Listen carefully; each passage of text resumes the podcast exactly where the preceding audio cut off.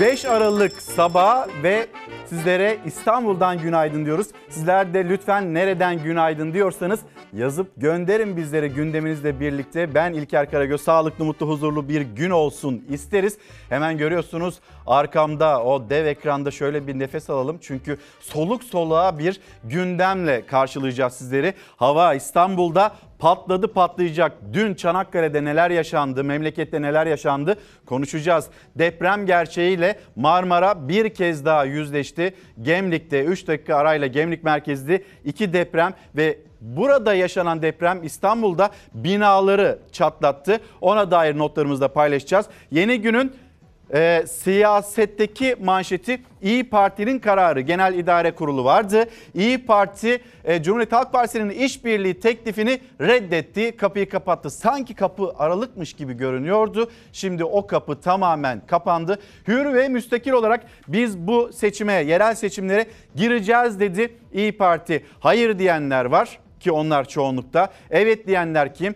Duygusal bir kopuş sonrasında evet diyenler için acaba yine İyi Parti'de yeni istifalar getirecek mi getirmeyecek mi İyi Parti kulisleri konuştuğumuz görüştüğümüz kişiler var. Onlardan o kulis bilgilerini yine getireceğiz ekranlarınıza. Gazetelere şöyle bir bakalım mı hep birlikte pahalılığı konuşacağız. Bugünkü başlığımız hemen gelsin ekranlarınıza. Hepimizin hakkı BDDK çalışanlarına 45 bin lira ek maaş. Hak da acaba öğretmene, polise, askere bu şehirde, mega şehirde ayakta kalmaya çalışan insanlara, memurlara, emeklilere hak değil mi? Hepimizin hakkı başlığımızda e, geldi ekranlarınıza. Birlikte konuşalım. Bir gün gazetesi felaketimiz oluyorsunuz diyor.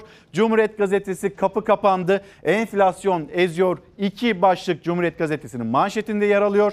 Sabah gazetesi Gazze kasabı yargılanacak. Cumhurbaşkanı Erdoğan'ın Netanyahu'ya seslenişi. İyi Parti yokum dedi ve gazete pencerenin manşeti kimler yokum dedi. Onları da e, göreceğiz. Birazdan paylaşacağız. Karar gazetesi geliyorum dedi. İsterseniz Karar gazetesinden de bir deprem e, gündemine, deprem başlığına hep birlikte geçiş yapmış olalım. Marmara'yı sarsan o deprem 3 dakikayla önce 5,1 sonra 4,5 büyüklüğündeki iki deprem Marmara'yı nasıl sarstı, Gemliği nasıl sarstı?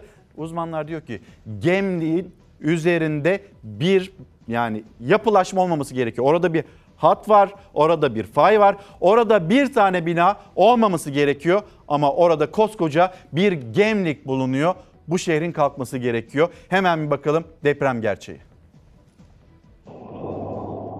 Ay! Deprem oluyor. Deprem oluyor.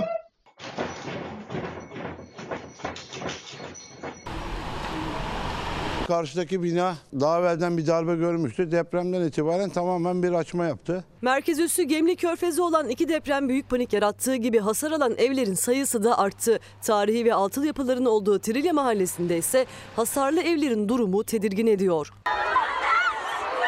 İnsanların hepsi bir anda okullara çocuklarına koştular. Diş hekimi hastasını alıp çıktı. Esnaf müşterisini dersteki öğrenciler bahçeye, veliler okullara koştu. Marmara bölgesi 3 dakika arayla meydana gelen iki depremle sarsıldı. Bursa'da Gemlik Körfezi merkezli 5,1 ve 4,5 büyüklüğündeki depremler 125 kilometre ötede İstanbul'da da binaları çatlattı.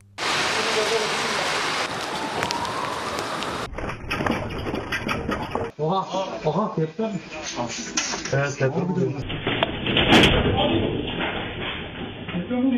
Bölge sismik olarak aktif bölge. Kuzey Anadolu fayının güney kolunda olan bir depremden bahsediyoruz. Şu an için endişe edilecek herhangi bir durum yok. Burası Bursa'nın Trilya mahallesi. Sel felaketinde hasar alan mahalle şimdi de depremle sarsıldı. Özellikle Anıtlar Kurulu'na tescilli binaların akıbeti korkutuyor.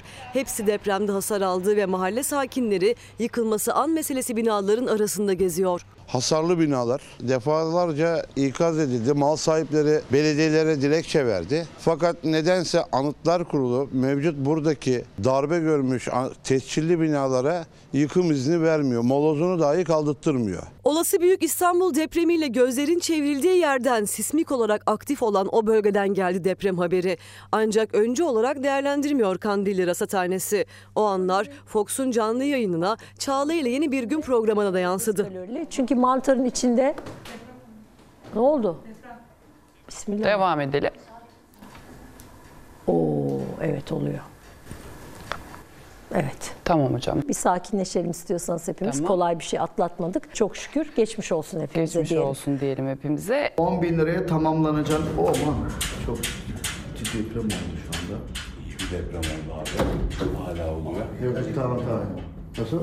Sosyal güvenlik uzmanı Özgür Erdursun da canlı yayında yakalandı depreme. Saat 10.42'deki 5,1 büyüklüğünde bu depremin ardından 40'tan fazla artçı sarsıntı kaydedildi.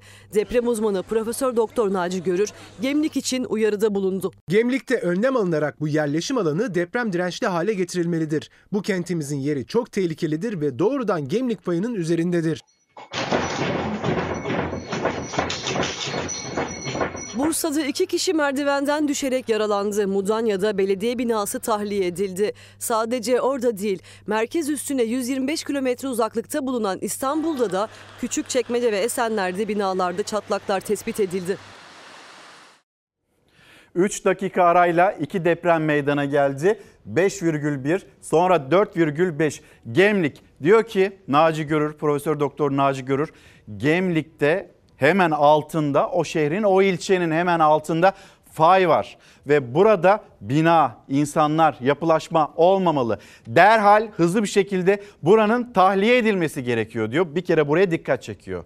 Büyük İstanbul depremi, Büyük Marmara depremini tetikler mi, tetiklemez mi? Bu deprem ne zaman olacak? Ne zaman olduğuna takılmadan bizim bu depreme hazır olmamız gerekiyor hazır değiliz. İşte bakın Gemlik, Gemlik'te yaşanan 125 kilometre uzaklığında İstanbul'da binaların nasıl çatladığına da tanıklık ediyoruz. Geçmiş olsun. Bir yer daha var. O dikkat çektiği yerde Tunceli.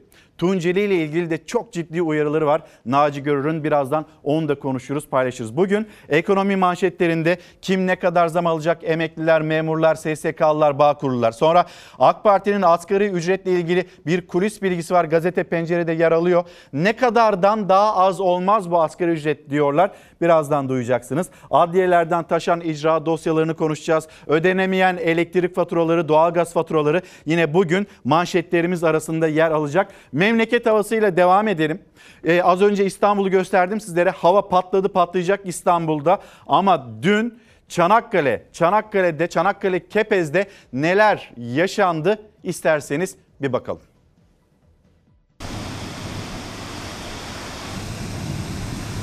Fırtına feribot seferlerini engelledi. Sağanak yağışlar Kepez çayını taşırdı. Hava koşullarının zor anlar yaşattığı son adres Çanakkale olurken meteoroloji deprem bölgesi için sarı kodlu uyarıda bulundu. Hatay, Gaziantep ve Şanlıurfa'da kuvvetli sağanak yağış bekleniyor. Ege'nin geneli fırtına etkisi altına girdi. Gökçeada hattında saat 22'ye kadar olan tüm seferler iptal edildi. Kabatepe'de de sabah 9 ve 20 arası seferler yapılmadı. Çanakkale Kepez'de ise sağanak yağışlara karşı adeta imtihan verildi. Kuvvetli yağış Kepez Deresi'ni taşırdı. Yükselen sular tekneleri sürükledi. Caddeler suyla doldu. Dereye bağlı yollar trafiğe kapandı. Balıkçılar tazikli su nedeniyle teknelerine yaklaşamadı. Ters dönen sandallar, batan takalar yansıdı kameralara. Çanakkale için bugün risk uyarısı yok ancak deprem bölgesine kuvvetli sağanak yağışlar geliyor bugün. Hatay, Şanlıurfa, Gaziantep ve Kilis'te sel ve su baskınlarına karşı dikkatli olunmalı. Şimdi İyi Parti, İyi Parti'nin işbirliği kararına e, karşı çıkışı, hayır deyişi hemen bir bakalım. Önce Cumhuriyet Gazetesi'nden sonra da Gazete Pencere'den okuyalım.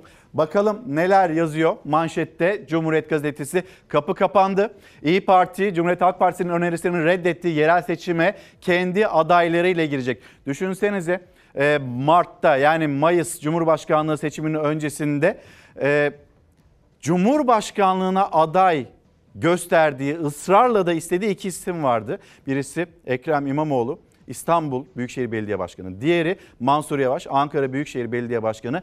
İyi Parti şimdi Cumhurbaşkanlığına layık gördüğü, ısrarla da olmasını istediği, ateşten gömleği giyin niye giymiyorsunuz diye ısrar ettiği o isimlerin karşısına aday çıkartacak. İyi Parti Genel İdare Kurulu, Cumhuriyet Halk Partisi'nin yerel seçimlerde işbirliği önerisine oy çokluğuyla hayır dedi. CHP lideri Özgür Özel'in 30 Kasım'da Meral Akşener'e yaptığı öneriyi reddeden İyi Parti 81 ilde aday çıkarma kararını bozmadı. Gizli oylamadan 14 evet 35'te hayır oyu çıktı. Genel İdare Kurulu'nda olup da evet diyenler ve hayır diyenler birazdan onları konuşacağız. Onları da paylaşacağız. Aynı zamanda Genel İdare Kurulu'nda olmayan ama bir işbirliği yapılması gerektiğini söyleyen milletvekilleri de vardı. Onları da duyacaksınız. Kararı İyi Parti sözcüsü Kürşat Zorlu seçimlere hür ve müstakil olarak gireceğiz diyerek açıkladı. Bir dinleyelim neler söylendi bu toplantının ardından sonrasında kulislere bir derin giriş yapalım. Yapılan oylama neticesinde Genel İdare Kurulumuz 2024 yerel seçimlerine İyi Partimizin hür ve müstakil olarak girme kararını almıştır. Sağ olun. Teşekkür ederim. Hayır kararı Çok teşekkür ederim. Evet hayır kararı. Sağ olun. Karar oy çokluğuyla alındı Ee, ve e, bu kararın bir özelliği var. Bu karar bu şekilde oylandı ve çıktı. Tartışmaya o anlamda kapalı. İyi Parti yerel seçimlerde CHP ile işbirliğine kapıyı kapattı. 81 ilde tek başına seçime girme kararı aldı. Genel İdare Kurulumuz bugün toplanarak söz konusu teklife ilişkin nihai bir karara varmıştır. Beklentim elbette ki işbirliği yönünde olur. İşbirliğinden yana bir karar çıkmasını temenni ederim. Hem İstanbul'un hem ülkemiz adına, gelecekteki süreç adına çok değerli olacağının altını çiziyorum. Umuyorum güzel bir karar çıkar. Beklenti bu yöndeydi CHP'de. İyi Parti'de ise dün toplantı üstüne toplantı vardı. Akşener CHP ile işbirliği konusunu Başkanlık Divanı milletvekilleri ve Merkez Disiplin Kurulu üyeleriyle görüştü. Genel Başkanımız geniş katılımlı bir değerlendirme yapmak amacıyla yetkili kurullarımız, milletvekillerimiz, il ve ilçe başkanlarımızla istişarelerde bulunarak bu görüşmelerden elde ettiği tespit ve görüşleri de Genel İdare Kurulu üyelerimize aktarma fırsatı bulmuştur. Son olarak da işbirliği kararını verecek Genel İdare Kurulu üyeleriyle bir araya geldi Akşener. Tüm Genel İdare Kurulu üyelerimiz görüşlerini büyük bir açıklıkla ortaya koymuş ve ardından da oylamaya geçirmiştir. Ve oylama sonucu CHP ile işbirliğine 35 GİK üyesi hayır oyu kullanırken 15 üye evet oyu kullandı. İyi Parti işbirliğine kapıyı kapattı. 31 Mart yerel seçimlerine tek başına girme kararı aldı. Hiç kimsenin şüphesi olmasın. Üçüncü bir yola, bir alternatif çağrısına da sahip çıkarak yol yürümeye devam edeceğiz. İyi Parti olarak 2024 seçimlerine hür ve müstakil olarak yani Genel Başkanımızın ifade ettiği gibi özü başımıza gideceğiz. Sağ olun. Teşekkür ederim. Hayır kararı Çok teşekkür ederim. Aslında kısmi bir işbirliği bekleniyordu. Özellikle de İstanbul için ve Ankara için. Şimdi biz bu süreçte özellikle Cumhurbaşkanlığı yarışının tamamlanması, seçimin tamamlanmasının ardından çok net cümleler duyduk. Meral Akşener'den özü başımıza bir gireceğiz, kantara çıkacağız, kaç kiloymuşuz göreceğiz. Bütün sorumluluğu, siyaseten bütün sorumluluğu alacağım demişti İyi Parti lideri. Özgür Özel'in bu ziyaretinin ardından bir genel idare kuruluna da sormak istedi. Genel idare kurulunda 34 hayır yani biz 81 ilde adayımızı çıkartalım yönünde bir karar geldi. Hemen bir bakalım gazete pencereye. Gazete pencerenin manşeti İyi Parti yokum dedi manşeti. İyi Parti kritik GİK toplantısını yaptı ve CHP'nin sınırlı da olsa işbirliği yapalım teklifini oyladı. Özellikle Ankara ve İstanbul teşkilatlarının işbirliği yapılsın görüşüne rağmen Genel İdare Kurulu üyelerinin 34'ü teklifin reddedilmesini istedi. Şimdi hem Ankara Teşkilatı'na soruldu ki Ankara'da il başkanlığı yapan, İyi Parti'nin il başkanlığını yapan isim biz Mansur Yavaş'ı Cumhurbaşkanlığına layık gördük. Şimdi Mansur Yavaş'a karşı bizim bir kampanya yürütmemiz isteniyor dedi. Buna itiraz ederek de İyi Parti'den ayrılmıştı. Teşkilata soruldu Ankara'da ve Ankara Teşkilatı ağırlıkla işbirliğini istedi. Ve sonra İstanbul Teşkilatı'na soruldu bu soru. İşbirliğine ne dersiniz diye İstanbul Teşkilatı da büyük bir çoğunlukla evet İstanbul'da işbirliği olması gerektiğini savundu. Teşkilatın sesini aslında dinlemeyen teşkilatın yaklaşımını görmeyen bir karar çıktı Genel İdare Kurulu'nda. 34 hayırla İyi Parti yokum dedi. Peki yokum diyenler arasında kimler var? İyi Parti'nin önemli isimleri Meral Akşener'in kurmay olarak tabir edebileceğimiz isimlerin Musavat Dervişoğlu onlardan birisi. Buğra Kavuncu 2019 yerel seçimlerinde İstanbul'un kazanılması için ne kadar mücadele vermişti? O dönem il başkanıydı İyi Parti'de. Yine CHP'nin il başkanı Canan Kaftancıoğlu ile birlikte ve şimdi hayır biz İstanbul'da Ekrem İmamoğlu'nun karşısına aday çıkartalım yönünde yaklaşım sergileyenlerden birisi ve Oktay Vural deneyimli bir siyasetçi. O da hayır diyenler arasında zaten çoğunluk hayır dedi. Peki kimler evet dedi? İsterseniz bir de ona bakalım. Evet diyenler yani bu işbirliğinin olması gerektiğini savunanlar arasında mesela Bursa Milletvekili Selçuk Türkoğlu var. Lütfullah Kayalar var. Salim Ensarioğlu var. Sonra e, Cihan Paçacı çok önemli bir isim İyi Parti için, Türk siyaseti için. O da yani Cihan Paçacı da yine işbirliği olması gerektiğini savunanlar arasındaydı orada. Peki Genel İdare Kurulu'nda olan ve Genel İdare Kurulu'nda söz alıp itiraz eden, hayır bu işbirliğinin olması gerektiğini söyleyenler kimlerdi? Mesela Ahmet Zeki Üçok.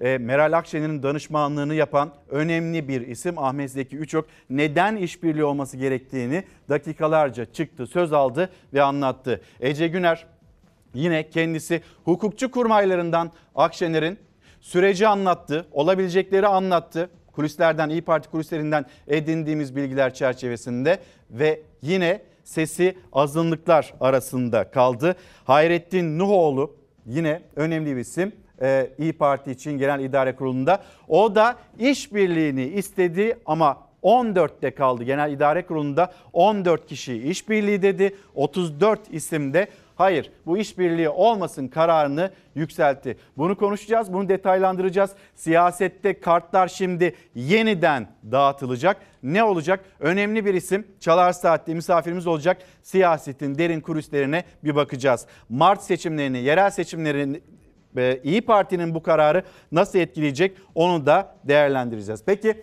bir diğer başlığımız ona geçelim. Enflasyonu konuşalım. TÜİK bir enflasyon verisi açıkladı. Bir enflasyon verisi açıkladı diyoruz. Çünkü vatandaşın enflasyonuyla TÜİK'in açıkladığı enflasyon yine birbirini maalesef tutmuyor. Bir şöyle bakalım. Buradan gelelim. İstanbul Ticaret Odası aylık enflasyonu %3,79 olarak açıklamıştı. Yıllık enflasyon %73,89. İstanbul enflasyonu böyle. Enak aylık %5,58, yıllık %129,27. Sizce bu mu gerçekçi yoksa burada TÜİK'in yapmış olduğu hesap mı gerçekçi? Aylık %3,28, yıllık %61,98. Bakacağız gazetelerden. Yalnız karşımıza çıkan TÜİK'in hesaplaması ve bizim yaşayacak olduğumuz şu. Enflasyonun düşük olması yani 3 haneli olmamış gibi görünmesi memurun da, emeklerinin de, asgari ücretlinin de, çalışanın da, herkesin de cebinden maaşının cebinden parasının eksilmesi demek.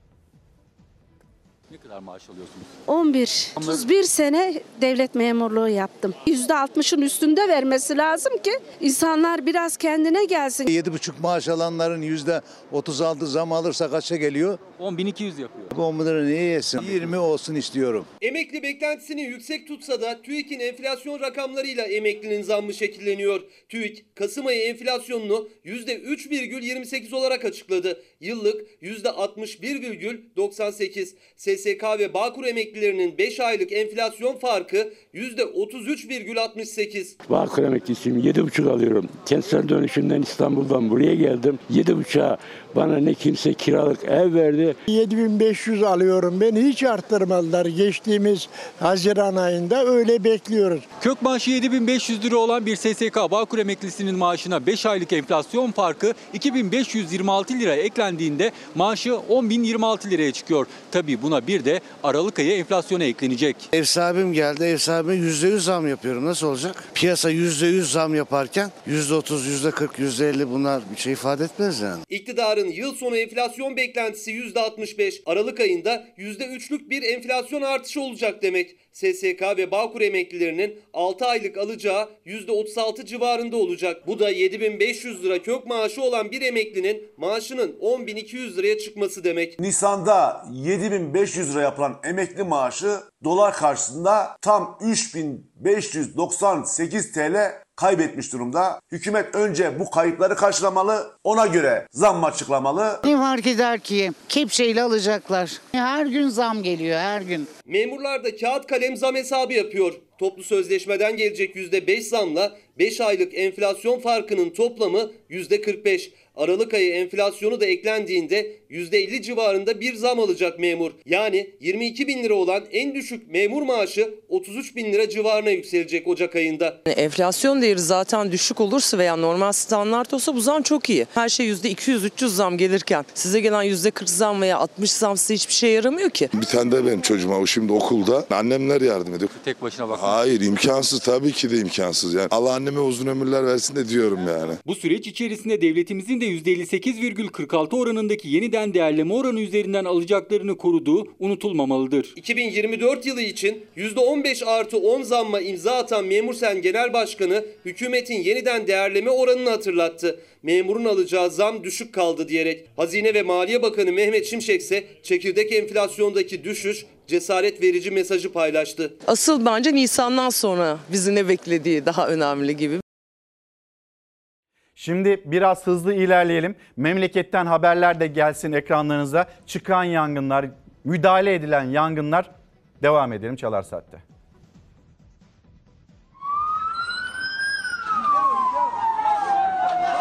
Okul pansiyonunda facianın eşiğinden dönüldü. Çıkan yangında 12 öğrenci ve bir öğretmen dumandan zehirlendi. Alevler pencereden taştı öğrencilerin kaldığı pansiyonun üst katında başladı yangın. Hakkari Yüksekova'da yeni mahallede bulunan Anadolu İmam Hatip Lisesi'ne ait pansiyonda panik yaşandı.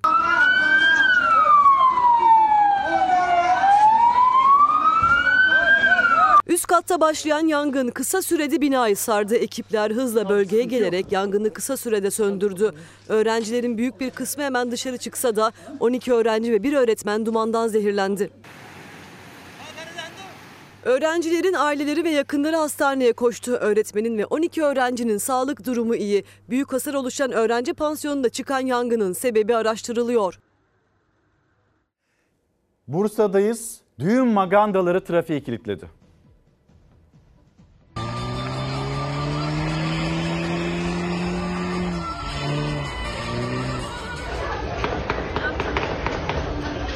Magandaları trafiğe çıktı. Bir düğün konvoyunda havaya rastgele ateş açılırken bir diğerinde lastik yakıp çifte telli oynadılar. Her iki görüntü de Bursa'da çekildi. İlk görüntüde düğün konvoyu çevre yolu üzerinde seyir halindeyken ışıklarda durup meşale yaktı. Bir kişi silahla havaya ateş açtı. Diğer görüntü ise Bursa Mudanya yolu üzerinde kaydedildi. Konvoydakiler iki şeridi kapatıp trafiğe aldırış etmeden oynamaya başladı. Gelin ve damadın çifte tellisi sırasında bir aracın sürücüsü lastik yaktı. Bazı sürücüler ise drift yaptı. Yolda araç kuyruğu oluştu. Ve yine Bursa balkon faciası.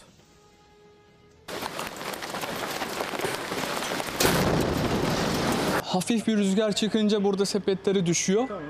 Baktık sepetlere değil, iki büyük parça düşüyor. Bir adam ondan sonra yanında balkonu tam çöktü. Balkona çıktı, 7. kattaki dairenin balkonu binadan ayrılarak yola düştü. 31 yaşındaki Muzaffer Gümüş hayatını kaybetti. Balkonun Gümüş'le birlikte iki otomobilin tam ortasına düştüğü o an güvenlik kamerasına yansıdı. Burada 3-4 tane araba var. Arabaları geçer geçmez parçaları düşüyor aşağıya. Saniyelerle kurtuldu araçtakiler ve sokaktakiler. Bursa Osman Gazi'de 7 katlı binanın 7. katında oturuyordu Muzaffer Gümüş. Saat 22 sıralarında balkona çıktı. Muzaffer Gümüş araçların ve yayaların geçtiği sokağa balkonun tabanıyla birlikte düştü. O sırada iki otomobil geçiyordu. Otomobillerin tam ortasına denk geldi beton parçaları. Sokaktakiler yaşadıkları şaşkınlığı atlatıp yaralı adamı görünce hemen sağlık ekiplerine haber verdi. Eski binalar olduğu için olabilir. 31 yaşındaki adam hastaneye kaldırıldı ama kurtarılamadı. Çöken balkona ilişkin soruşturma başlatıldı. Çünkü binanın diğer katlarında balkon yok. En üst kata sonradan eklendiği tahmin ediliyor.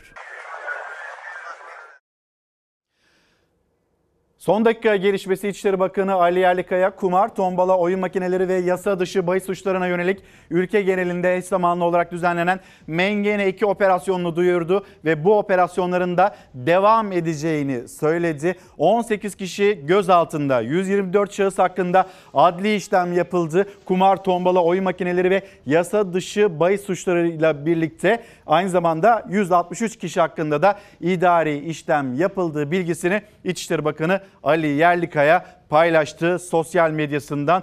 Yeni günün son dakika bilgisi her zaten her günde e, biz bu bilgileri sizlerle paylaşıyoruz. Çete mi oluyor sonra işte ne bileyim kumar, bahis bu tür e, çetelere yönelik yine sonra yasa dışı e, adım atanlara yönelik bu operasyonların devam ettiğinin bilgisini İçişleri Bakanı paylaşıyor. Şimdi gelelim Cumhurbaşkanı Erdoğan'ın sözleri Sabah gazetesinin manşetinde ve e, bu manşette de aslında Cumhurbaşkanı Benjamin Netanyahu'yu hedef alıyor. Gazze kasabı yargılanacak diyerek. Peki bir uyarı var Amerika Birleşik Devletleri'nden İsrail'e yönelik. İsrail kara harekatını genişletirken Amerika Birleşik Devletleri de kazanamazsınız yapmayın diye Tel Aviv yönetimini uyarıyor.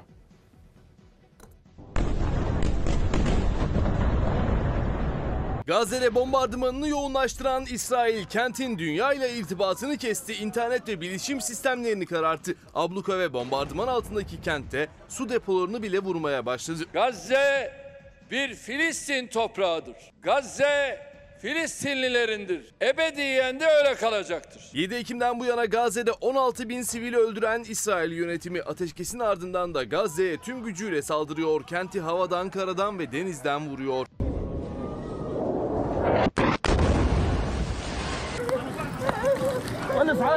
Gece saatlerinde İsrail bombalarının hedefi Refah kentinin doğusunda bulunan bir su deposuydu. Yüzlerce kişiye su sağlayan depoyu yerle bir etti İsrail. Gazze şeridine tam karartma da uyguluyor İsrail ordusu. Kentte internet ve iletişim hizmetleri tamamen kesildi. Filistin Kızılay'ı Gazze'deki ekibiyle irtibatın kesildiğini ve hayatlarından endişe duyulduğunu açıkladı.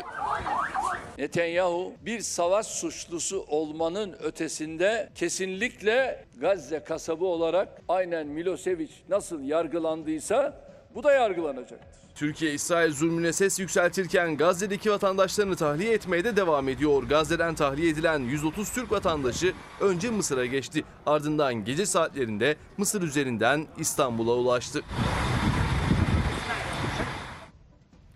Hayran buluşmasında fenomenler ve onların kavgası kameralarımızı çevireceğimiz yer durak. Şimdi de İstanbul Esenyurt. Sopalı kavga. Fenomenlerin hayran buluşmasında ortalık karıştı. Laf atmayla başlayan kavgada bir kişi bıçaklandı. Ben normalde meydanda buluşmamayı düşünüyordum. Kontrolle de konuşmuştum bu konuyu ama illa orası olsun deyince gittik arkadaşlar. Tam da aynısı oldu. Birisi geldi Horton'un saçına laf attı. Yanındaki arkadaş da ona cevap verince kavga çıktı. Ayırmaya çalıştım elimden geleni yaptım ama birkaç kişiydiler. Aynı anda çocuğun üzerine saldırdılar. Sosyal medyada yakışıklı güvenlik olarak tanınan Muhammed Sürmeli ile Horto adıyla bilinen Burak Taşkıran İstanbul Esenyurt'ta hayranlarıyla buluşma düzenledi. Ancak o buluşmada bir hayranın Burak Taşkıran'ın saçına dokunması ve laf atması üzerine kavga çıktı. Sopalarla birbirlerine saldırdı iki grup. Bir kişi kavgayı ayırmaya çalışırken bıçaklandı. Arkadaşlarım beni oradan çektiler bir şekilde. Kavga aldı başını gitti. Çocuk ne yazık ki bıçaklanmış bacağından. Büyüyen kavga cep telefonu kameralarıyla da görüntülendi. Kavga polisin müdahalesiyle son buldu. Kavgaya karışan 3 kişi gözaltına alındı. Yine İstanbul'dayız. Şimdiki haberde gördüklerinize inanamayacaksınız. Buyurun. Ses yaptı, hoparlör Büyük bir makine mi yerleştirmiş buraya? burada elektrik sistemi var komiserim. Motor koymuş.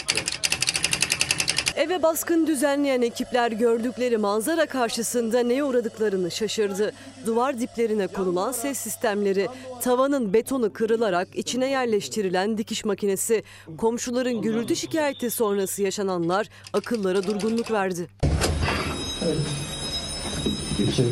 Ekipler kapıyı açtıklarında o ince tiz ses daha da keskinleşti. İçeride durulacak gibi değildi. Sesin izini süren ekipler duvarlara adeta yapıştırılmış ses sistemleri buldu. Yine aynı şekilde yan duvara, yan duvara hoparlörle ses düzeni kurarak yaptığı görülmüş. Sürekli değişik değişik sesler açıyorlar, rahatsız ediyorlar. Tadilat var sandık. Üst komşudan veya alt komşudan bir tadilat sandık. Kim bu saatte tadilat yapıyordu? En çok da betonu kırıp yerleştirdikleri dikiş makinesi akıllara durgunluk verdi. burada elektrik sistemi var komiserim. Tamam. İstanbul Güngören'de 5 katlı binanın 4. katında komşularını rahatsız etmek için tüm odalara ses düzeneği kuran iki erkek kardeş ekipler tarafından karakola götürüldü. Bu kişilerin daha önce gürültü şikayeti için kapılarını çalan iki genci de darp ettiği ortaya çıktı. Çocuklara keserle saldırdılar çocuklarına. Kızımın 16-17 yaşında çocukları var. Çocuklar okula gidiyorlar bilmem ne gürültü gürültü o çocuğum. Anlatamam size zaten ben. Kurdukları düzenekle komşularını rahatsız eden iki kardeş ifadelerinin ardından serbest bırakıldı. Şimdi binayı yıkmaya mı çalışıyorlar, komşularını yıldırmaya mı çalışıyorlar? Böylesine ilk kez tanıklık ediyoruz. Polis de zaten içeri girdiğinde şok olmuş. Kolonlara dikiş makineleri bağlanmış. Tık tık tık tık tık tık tık tık tık tık sürekli bir işkence yöntemi gibi ve serbest kalmışlar. Devam edelim. Dün akşama döneceğiz. Dün akşam e, Fenerbahçe kendi evinde kazanmasını bildi. Fener yeniden liderlik koltuğuna oturdu. Sivas Spor'la karşı karşıya geldi ve 4-1 kazandı Fenerbahçe. Derbi maçları biliyorsunuz. Hiçbir zaman önceden favorisi yoktur. Hiçbir zaman da e, herhangi bir sonuca bağlayamazsınız. O günkü şartlarda, o günkü ortamda fizik olarak, teknik olarak, taktik olarak, mental olarak hangi takımın daha iyi olabileceği e, her zaman ön plana çıkar. Biz de bu şekilde e, bugünden itibaren Beşiktaş maçını takımımızla, oyuncularımızla beraber en iyi şekilde hazırlanmaya çalışacağız. Fenerbahçe büyük bir camia. Böyle bir mağlubiyetin bize yakışmadığını oyuncularıma söyledim. Bu mağlubiyeti unutturmanın tek bir yolu vardır. Sivas maçına çıkacağız. Hep beraber çok iyi futbol oynayacağız, çok iyi mücadele edeceğiz. Güzel bir galibiyetle taraftarlarımızı mutlu edeceğiz. Ve bu seriyi devam ettirmemiz gerektiğini söyledim. Oyuncularım da antrenmanlardan bugüne kadar, cuma günden e, düne kadar enerjileri antrenmanlarda çok yüksekti. O sinyali veriyorlar zaten. Maça da Sivas Spor'u demin de söylediğim gibi iyi analiz etmiştik. Güzel bir başlangıç, taraftarlarımızın desteğiyle de güzel bir galibiyet oldu.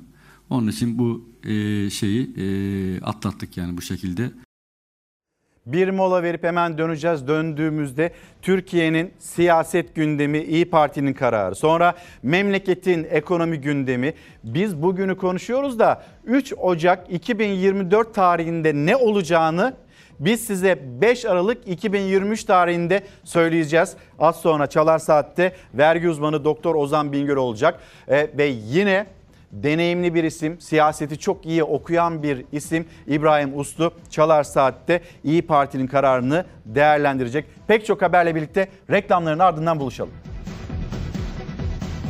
Günaydın. Yemyeşil ormanlar, tertemiz sular ve sağlıklı bir çevre hepimizin hakkı. Bu başlık altında konuşurken gazeteci İbrahim Gündüz işte bu manşeti atıyor. Bugün hepimizin hakkı diyerek doğayı nasıl korumamız gerektiğini de Ankara'da kitap fuarında saat 15'te anlatacak kitap severlere ve e, bunu da duyurmuş olalım. Hepimizin hakkı derken insanca yaşamak hepimizin hakkı. Asgari ücret konusunda asgari ücretliler bir sesleniş içinde kendinizi bizim yerimize koyun öyle bir tespit yapın diye asgari ücretliler sesleniyor. Peki AK Parti kulislerine bakalım. Gazete Pencere'de yer alan bir haber. Asgari ücret 16 bin liradan az olmasın diyor. AK Parti içinde bazı isimler, bazı milletvekilleri bakalım dedikleri gibi mi olacak?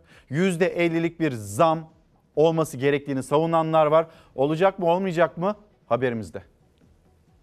O pazarlık masasında bu zammı yapanlara şunu söylemek isterdim. Şu saatler altında evliliği nasıl düşünebilir? Bir ev kurmanın maliyeti 3 sene önceye oranla %300 artmış durumda. Önce bir anne olarak çocuğumu anlatırdım. Beyze gelen, mamaya gelen 8 aydaki zamları. 310 liraya aldığım mamayı şu an 550 liraya alıyorum. Aldığım asgari ücretle karşılayabilecek miyim hem çocuğumun hem de bakıcı masraflarını üstelik yol parasını? Orada derdim yani kendinizi bizim yerimize koyun. 8 aylık kızı olan Elif Ebil asgari ücret masasında yetkililere anlatmak istediği geçim derdini Fox Haber mikrofonuna anlattı. Temel ihtiyaçlara bile zor eriştiklerini. Bir anne olarak beni bu hale düşürenler utansın. Asgari ücret artışı zaten biliyorsunuz yıl içinde bir kezdir. Bir kez verilecek zamla bu iş biter. Yani bize verdikleri paranın yettiğini düşünüyorlar, onaylanıyor.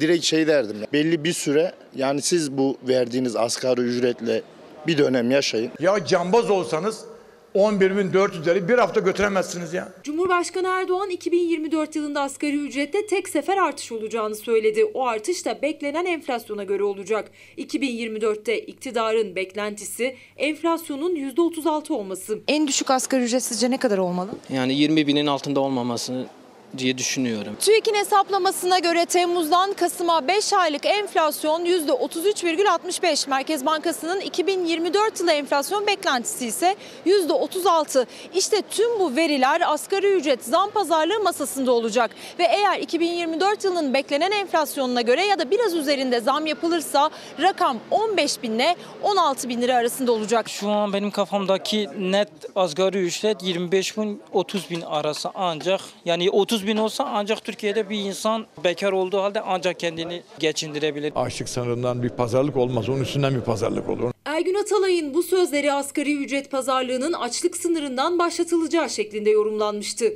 Türk İş yalanladı. Pazarlık masasında bu sene sendika yetkililerinin yerine 4 asgari ücretli oturacak. Milyonların geçim derdini yaşayanlar anlatacak. Eğitimde destek isterdim. Çocuklarımızı zor okutuyoruz yani. Teknoloji şeyler istiyorlar. Bilgisayar, telefon alınmayacak şeyler istiyorlar. İçimiz kan ağlıyor. Çocuk yetiştiriyoruz, birey yetiştiriyoruz sonuçta ama kafası saman gibi oluyor. Çalışacak bir şey yok. Bu o şeylerin omega 3'lerin olsun, B12 vitaminlerin olsun onları verebilecek bir maaşı alamıyoruz biz. Temel ihtiyaçlarını bile karşılayamayan asgari ücretliler iktidarın yılda bir kez zam yapma kararına tepki gösterirken gözler 11 Aralık'ta başlayacak görüşmelere çevrildi.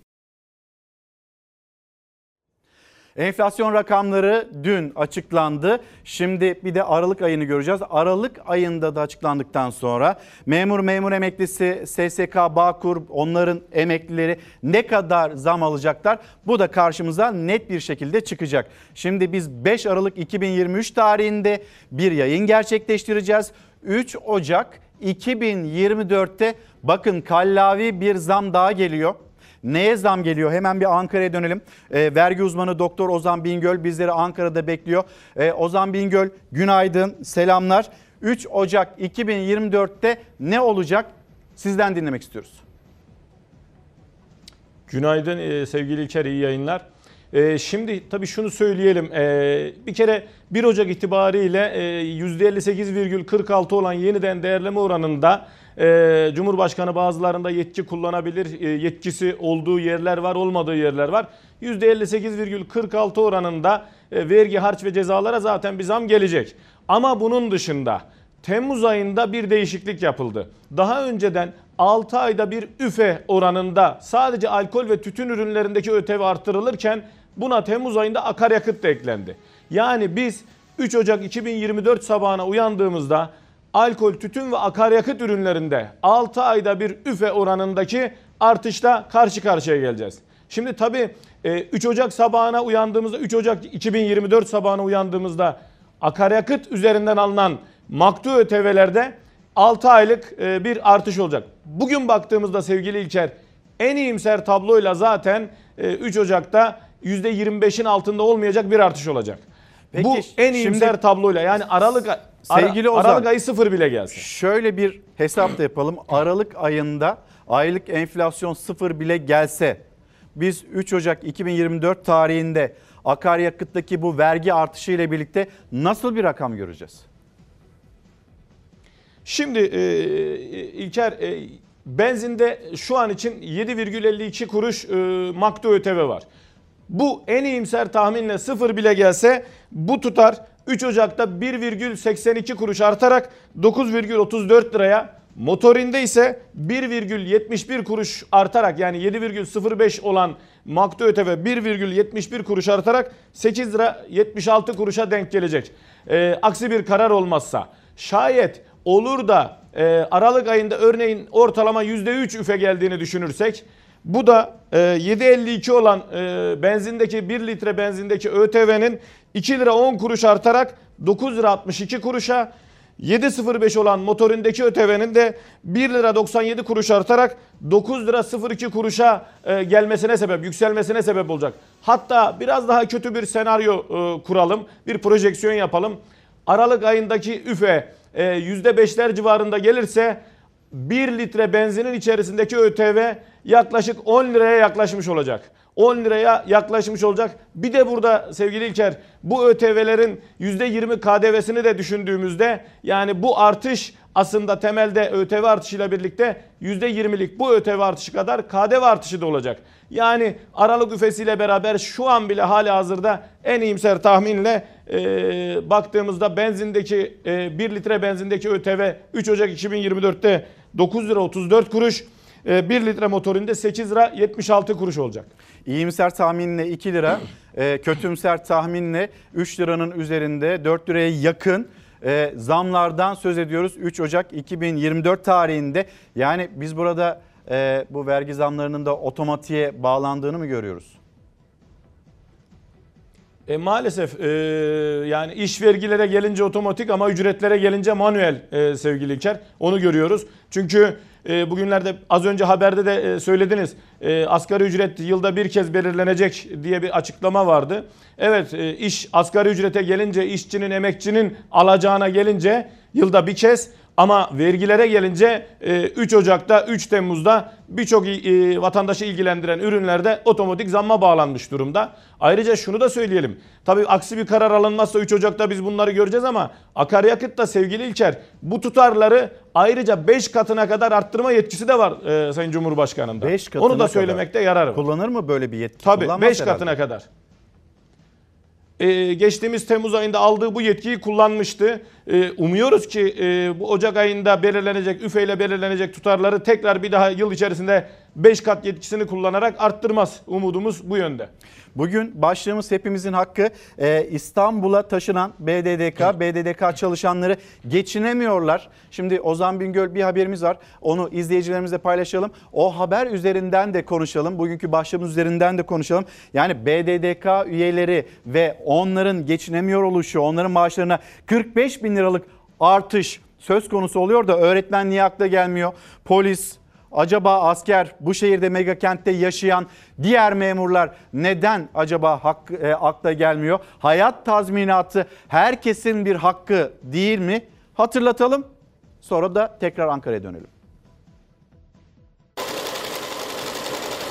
Kendimizi üvey evlat gibi hissettik. O BDDK çalışanlarını da biz yetiştiriyoruz. Bürokrasideki memurları, bakanları, milletvekilini herkese öğretmen yetiştiriyor. Öğretmenin aldığı maaş çok düşük. Yüz binlerce öğretmen, yüz binlerce memur arkadaşımız e, ciddi anlamda ekonomik koşullar altında ezilirken e, bir kısmının korunması üzücü, çok üzücü. Ankara'dan İstanbul'a taşınan BDDK çalışanlarına 45 bin lira hayat tazminatı AK Partili vekillerin önerisiyle torba yasa teklifine eklendi. Şahap Kavcıoğlu Merkez Bankası Başkanı iken yine İstanbul'a taşınan Merkez Bankası çalışanlarının kira yardımı artırılmıştı. Şimdi Kavcıoğlu BDDK Başkanı. O da dahil tüm idarecilere ve 400 uzman personele ek ödeme yapılması gündemde. İstanbul'un zorlu şartlarında geçim mücadelesi veren başta öğretmenler, tüm memurlar aynı desteği bekliyor. Ben okula geliyorum, yanımda ekmek arası getiriyorum. Bence haksızlık oluyor, ayrımcılık oluyor. Devletin memuruna sahip çıkması lazım. 22 seneki öğretmenim 25 bin lira maaş alıyorum ve 15 bin lirasını kiraya veriyorum. Her ay ee, biz bir dahaki aya nasıl çıkacağız diye düşünmek zorunda kalıyoruz. BDDK çalışanlarının en düşük maaşı 40 bin lira. 45 bin lirada hayat tazminatı ödenirse gelirleri 85 bin lirayı bulacak. Yani AK Partili vekillere göre İstanbul'da yaşamanın maliyeti en az 85 bin lira. Muhalefet de bunda hemfikir ama tüm memurlara çalışanlara benzer düzenleme yapılmamasına tepkililer. Çünkü asgari ücretliden polise, doktora, öğretmene 81 ilde maaşlar aynı. İstanbul'da yaşamsa çok pahalı. Diğer memurlara bu ek tazminatı veriyor musunuz? Veriyorsunuz? E vermiyorsunuz. Eşitsizlik değil mi? BDDK'yı koruyacağız diye kamudaki diğer çalışanlar arasında bir uçurum yaratmak, bir ayrımcılık yaratmak kamudaki eşitliği, dengeyi bozar, bir uçurum yaratır. Ücret adaletsizliği ortaya çıkabilir. Bu düzenleme beraberinde benzer talepleri de getirecektir kuşkusuz. MHP'li komisyon üyesinin de adaletsizlik yaratabileceğine dikkat çektiği düzenleme torba yasa teklifinde salı günü görüşülmeye başlanacak. Büyük şehirlerden özellikle de İstanbul'dan geçim nedeniyle tayin istemek zorunda kalan öğretmenler görüşme öncesi ses yükseltti. Meslektaşlarımız birer birer artık il dışına e, daha kolay kiralarını daha rahat ödeyecekleri yerlere kaçıyorlar. Ev sahibim beni mahkemeye verdi. 25 bin lira ayda kira istiyor ve benim maaşım 28 bin lira. Sadece burada e, BDDK'nın memurları zor e, şartlarda yaşamıyor. İstanbul'a taşındıkları için BDDK çalışanlarına özel her ay 45 bin lira hayat tazminatı gündemde. Ancak İstanbul'da yaşayan tüm memurlar geçim sıkıntısı yaşıyor. Düşük maaşlarla çalışan öğretmenler de ek ödeme talep ediyor. Bize daha ne zaman sıra gelir bekliyoruz. Büyük şehirde yaşamak artık mümkün değil bu duruma geldi. Şimdi vazgeçtiğimiz faiz sebep enflasyon sonuçtur tezini nasıl da savunmuştu Şahap Kavcıoğlu. Zaten hani köşesinde savunmuştu. Merkez Bankası Başkanlığına doğru o yolculuğu da bu savunmalarının ardından başlamıştı. Ve BDDK'nın başında diyor ki BDDK çalışanları e, bu şehirde yaşayamıyor. Onlara bir hayat tazminatı ödenmesi gerekiyor. AK Partili milletvekilleri de sağ olsunlar bu çağrıyı duydular. Sadece BDDK çalışanlarının çağrı, çağrısını duyuyorlar. Peki diğer memurlar onların seslenişi, onların hayatı, onların hayat tazminatı bu herkesin hakkı değil mi diye bizler de buradan bir soralım da hatırlatalım da. Tekrar Ankara'ya dönecek olursak e, sevgili Ozan Bingöl MTV'yi de sorsam sana MTV'de acaba bir yetki kullanır mı? Cumhurbaşkanı bir indirim olur mu? Ee, sevgili İlker, daha önceki yıllarda e, geçtiğimiz ve yıl ve ondan önceki yıl MTV'de Cumhurbaşkanı e, indirim yetkisini kullanmıştı. E, biz hatta geçen yıl yaptığımız, birlikte yaptığımız yayında da ne kadar olacağını e, önceden söyleyip tahmin etmiştik. O kadar bir indirim yetkisi kullanmıştı. Ama maalesef bu yıl böyle bir yetki kullanmayacağı kanaatindeyiz. Bu Neden? kanaate nereden varıyoruz? Bu kanaate bu kanaate şuradan varıyoruz e, sevgili İlker. E, bu yıl e, hedeflenen MTV'den hedeflenen gelir 38.7 milyar liraydı. Ek motorlu taşıtlar vergisi hariç. 38.7 ee, milyarken önümüzdeki yıl beklenti 68.9 milyar. Yani bu veriler bu artış yaklaşık %80'e yakın bir artış. Bunun %20'lik kısmının e, piyasaya yeni girecek araçlar üzerinden elde edilecek MTV olduğunu düşündüğümüzde geri kalanının da işte yeniden değerleme oranı kadar arttırılacağı kanaatine buradan varıyoruz. E, buradan da aslında 85 milyon yurttaşı e, e, bu anlamda e, uyarmak isterim. Yani bütçelerini ona göre ayarlasınlar şimdiden. önceki yıllarda olduğu gibi MTV'de bir indirim ihtimali görünmemekte sevgili İlker. bunu da buradan duyurmuş olalım. Kimse indirim beklemesin diyorsunuz yani hocam. Evet e, görünen o maalesef. Peki bir başlığımız daha var. O da gelir vergisi dilimi yeniden değerleme oranında oranında mı olacak? Nasıl olacak? Maaş zamlarını biz şimdi yeniden çok daha fazla vergiye mi ödeyeceğiz?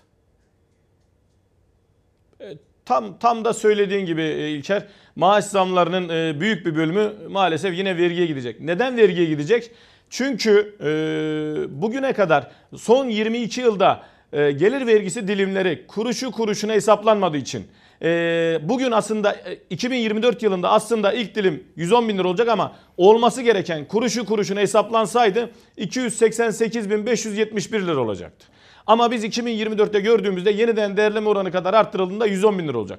Bu 22 yılda işçinin, emekçinin 178.571 lirasının iç edilmesi demektir aslında yok edilmesi demektir. Bakın aynı şey e, bir işçinin, emekçinin yemek ücreti istisnasında da günlük yemek bedeli istisnasında da uygulanmış. Bugün günlük yemek bedeli istisnası 157 lira olması gerekirken ki büyük şehirlerde 157 liraya bile ne yenebilir onu tartışmak gerekir. 110 lira uygulanmaktadır. Yani dönüp baktığımızda biraz önce akaryakıttan örnek verdik sevgili İlker. Bir, bir şey söylemek istiyorum burayla ilgili. Şimdi e, akaryakıtta ÖTV listesine bir sayılı listeye baktı, baktığımızda ÖTV şöyle belirlenmiş. Örneğin benzinde 7 lira e, 7,5265 diye. Yani ÖTV'yi belirlerken, akaryakıttaki ÖTV'yi belirlerken virgülden sonra 4 rakamı dahi dikkate alanlar bu ülkede milyonlarca işçinin, emekçinin tabi olduğu, memurun tabi olduğu gelir vergisi dilimlerinin e, hesaplarken %5'lik küsuratlar dikkate alınmaz diye 20 küsür yılda 180 bin liraya yakın parasını iç etmişler. Bu işçinin, emekçinin gizli gizli vergi zammı yapılması, işçinin, emekçinin, memurun maaşına gizli bir vergi zammı yapılması, lokmasının dilim dilim kırpılması demektir. Yani bu kabul edilebilir bir durum değildir. Yani biraz önceki örnek aslında çok net. Yani siz e, akaryakıtta alacağınız ÖTV'yi belirlerken bile virgülden sonra bırakın iki rakamı 4 rakamı kadar 4 rakama kadar tespit ederken damga vergisini, telefon harcını kuruşu kuruşuna tespit ederken %5 küsuratlar dikkate alınmaz diye bir hüküm getirip işçinin, emekçinin, memurun gelir vergisi dilimlerini hesaplarken 178 bin lirasını ortadan kaybetmişsiniz. Yani bu kabul edilebilir bir şey değildir. Bugün 2024 yılında bu söylediğimiz oranda aslında olsaydı sevgili İlker 288 bin 571 lira olsaydı ortalama bir maaşla bir memur, bir emekçi, bir çalışan bırakın %27'lik, %35'lik dilimlere girmeyi %20'lik yani bir üst dilime bile girmeden yılın sonunu getirerek aslında daha çok e, gelir elde etmiş olacaktı. Net geliri e, elde ettiği net gelir daha da artmış olacaktı. Ama maalesef e, yöneticilerin, siyasi iktidarların politikaları da aslında zihniyetlerinin dışa vurumudur. Geldiğimizde maalesef emekten, emekçiden yana bir tavır olmadığını görüyoruz. Tek isteğimiz aslında benim de bir yurttaş olarak tek beklentim şu. Vergisel anlamda sermaye gelirlerinin de korunduğu kadar emek gelirlerinde korunması gerektiği kanaatindeyim. Hatta onların daha fazla korunması gerektiği kanaatindeyim. Ama dönüp baktığımızda yemek ücretinden ulaşım istisnasına, işte gelir vergisi dilimlerinden başka haklarına baktığımızda da hepsi gizli gizli maalesef kırpılmış, lokmasından alınmış işçinin emekçinin. Vergi uzmanı Doktor Ozan Bingöl Çalar Saat'teydi. Teşekkürler Ozan Bingöl. 3 Ocak 2024 tarihinde olacakları biz bugünden şimdiden konuştuk. Bir kez daha teşekkür ederim. Şimdi e, o zaman bir derlemesini toparlamasını yapacak olursak maaşlara zam gelecek. O zamlar vergiye gidecek. Sonra MTV'de motorlu taşıtlar vergisinde Ozan Bingöl diyor ki kimse indirim falan beklemesin. Bütçesini ona göre ayarlasın. Ve 3 Ocak 2024'te de akaryakıta büyük bir zam yolda. Hatırlatmalarıyla bir de şunu söyleyelim. Milyonlar icralık, milyonlar faturalarını ödeyemiyor. Ve bizim de haberimiz hazır. Belki yetkililer duyar sesini milyonların geçinemiyoruz diyen insanların. Borçlar ödenemiyor, milyonlar icralık. Adliyelerde yaklaşık 36 milyon icra dosyası birikti. Bütün bu kiracılar, ev sahipleriyle avukatlar bunlar komple organize. Tamam. Bunlar komple, bunlar bunlar herkes, bunlar hepsi birbirleriyle anlaşmalı. Tamam sus. Kalkma, kalkma. Artan pahalılık, zor hayat şartları. insanlar geçinemiyor, faturalarını ödemekte zorlanıyor. Bunlar icra belgeleri. Gelen evrakların çoğu maalesef icra evrağı. Yani o kadar çok icralık olan var ki şu son dönemde. CHP'li Ömer Fethi Gürer Enerji Bakanı'na sordu. Elektrik ve doğalgaz faturalarını ödeyemeyenlerin sayısını. Rakam çarpıcı. 2023 yılının ilk 6 ayında borcundan dolayı 122 bin doğalgaz abonesinin gazı kesildi. Aynı dönem içerisinde 69.278 elektrik abonesinin de elektriği. Karakış'a gazsız ve elektriksiz girecekler. İcra dosyalarına gelince 2022'den 2023'e devrolan icra dosyası sayısı 24 milyon 229 bin. Yılın ilk 11 ayında icra dairelerine gelen yeni dosya sayısı ise 12 milyon 591. Benim 3 tane çocuğum var. Çoluk çocuğum okula gidiyor. Evin kira icralık olduğu zaman bir acayip oluyorsun. Moralmen olarak yani e, çöktük yani. Komşularına böyle hani e, mahcup oluyorsun. Avukat geliyor, icradan geliyorlar kapıyı vuruyor.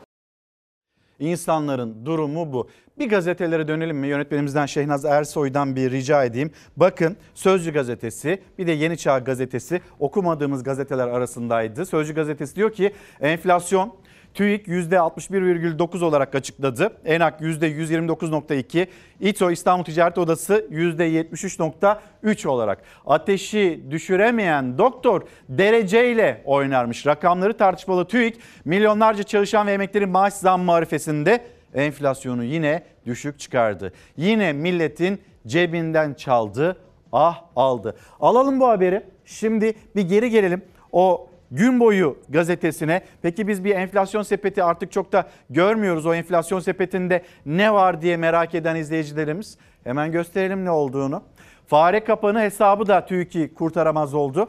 Enflasyonu düşük göstermek için yıllardır pimpon topu ve fare kapanı gibi ürünlerin fiyatını ölçü alan TÜİK hesapları tutmayınca bu kez de çağrıya enflasyon sepetinin içeriğini vatandaştan gizlemekte buldu. Bir süredir nereden alışveriş yapıyor, hangi marketten alışveriş yapıyor bilmiyoruz, görmüyoruz. Yeni Çağ gazetesi milletin aklıyla alay edilmesin diye söze başlıyor. Milletin aklıyla alay edip ahını da almayın diyor. TÜİK'in iktidar etkisindeki enflasyon ölçümleri inanılırlığını kaybetti. Gerçek enflasyonun yarısının bile altında ilan edilen TÜİK rakamları milletin sabrını taşırırken olan dar gelirli, emekli ve ücretlileri oluyor. Az önce geldi işte ekranlarınıza insanlar geçinemiyor, insanlar faturalarını ödeyemiyor. İnsanlar icralık durumdalar. Şu anda gördüğümüz, şu anda yaşadığımız işte bu. Memleketten haberlerle devam edelim. Memleketten kaza haberleriyle gelsin ekranlarınıza.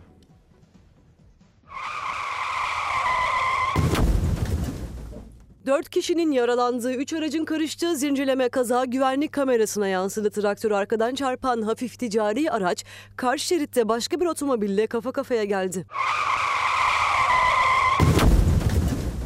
Sakarya Akyazı'da Kuzuluk mevkinde yaşandığı zincirleme kaza odun taşıyan traktöre çarptı önce ardından karşı şeride geçti. Otomobille kafa kafaya çarpıştı.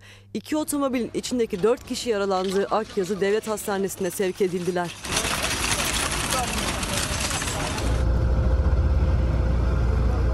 Eskişehir Afyonkarahisar karayolunda meydana gelen kaza ise can aldı. Bir kamyonet ve çekici plakalı tır kafa kafaya çarpıştı. Kamyonetin sürücüsü Murat Parla ve araçta yolcu olarak bulunan Şükrü Kaplan yaşamını yitirdi.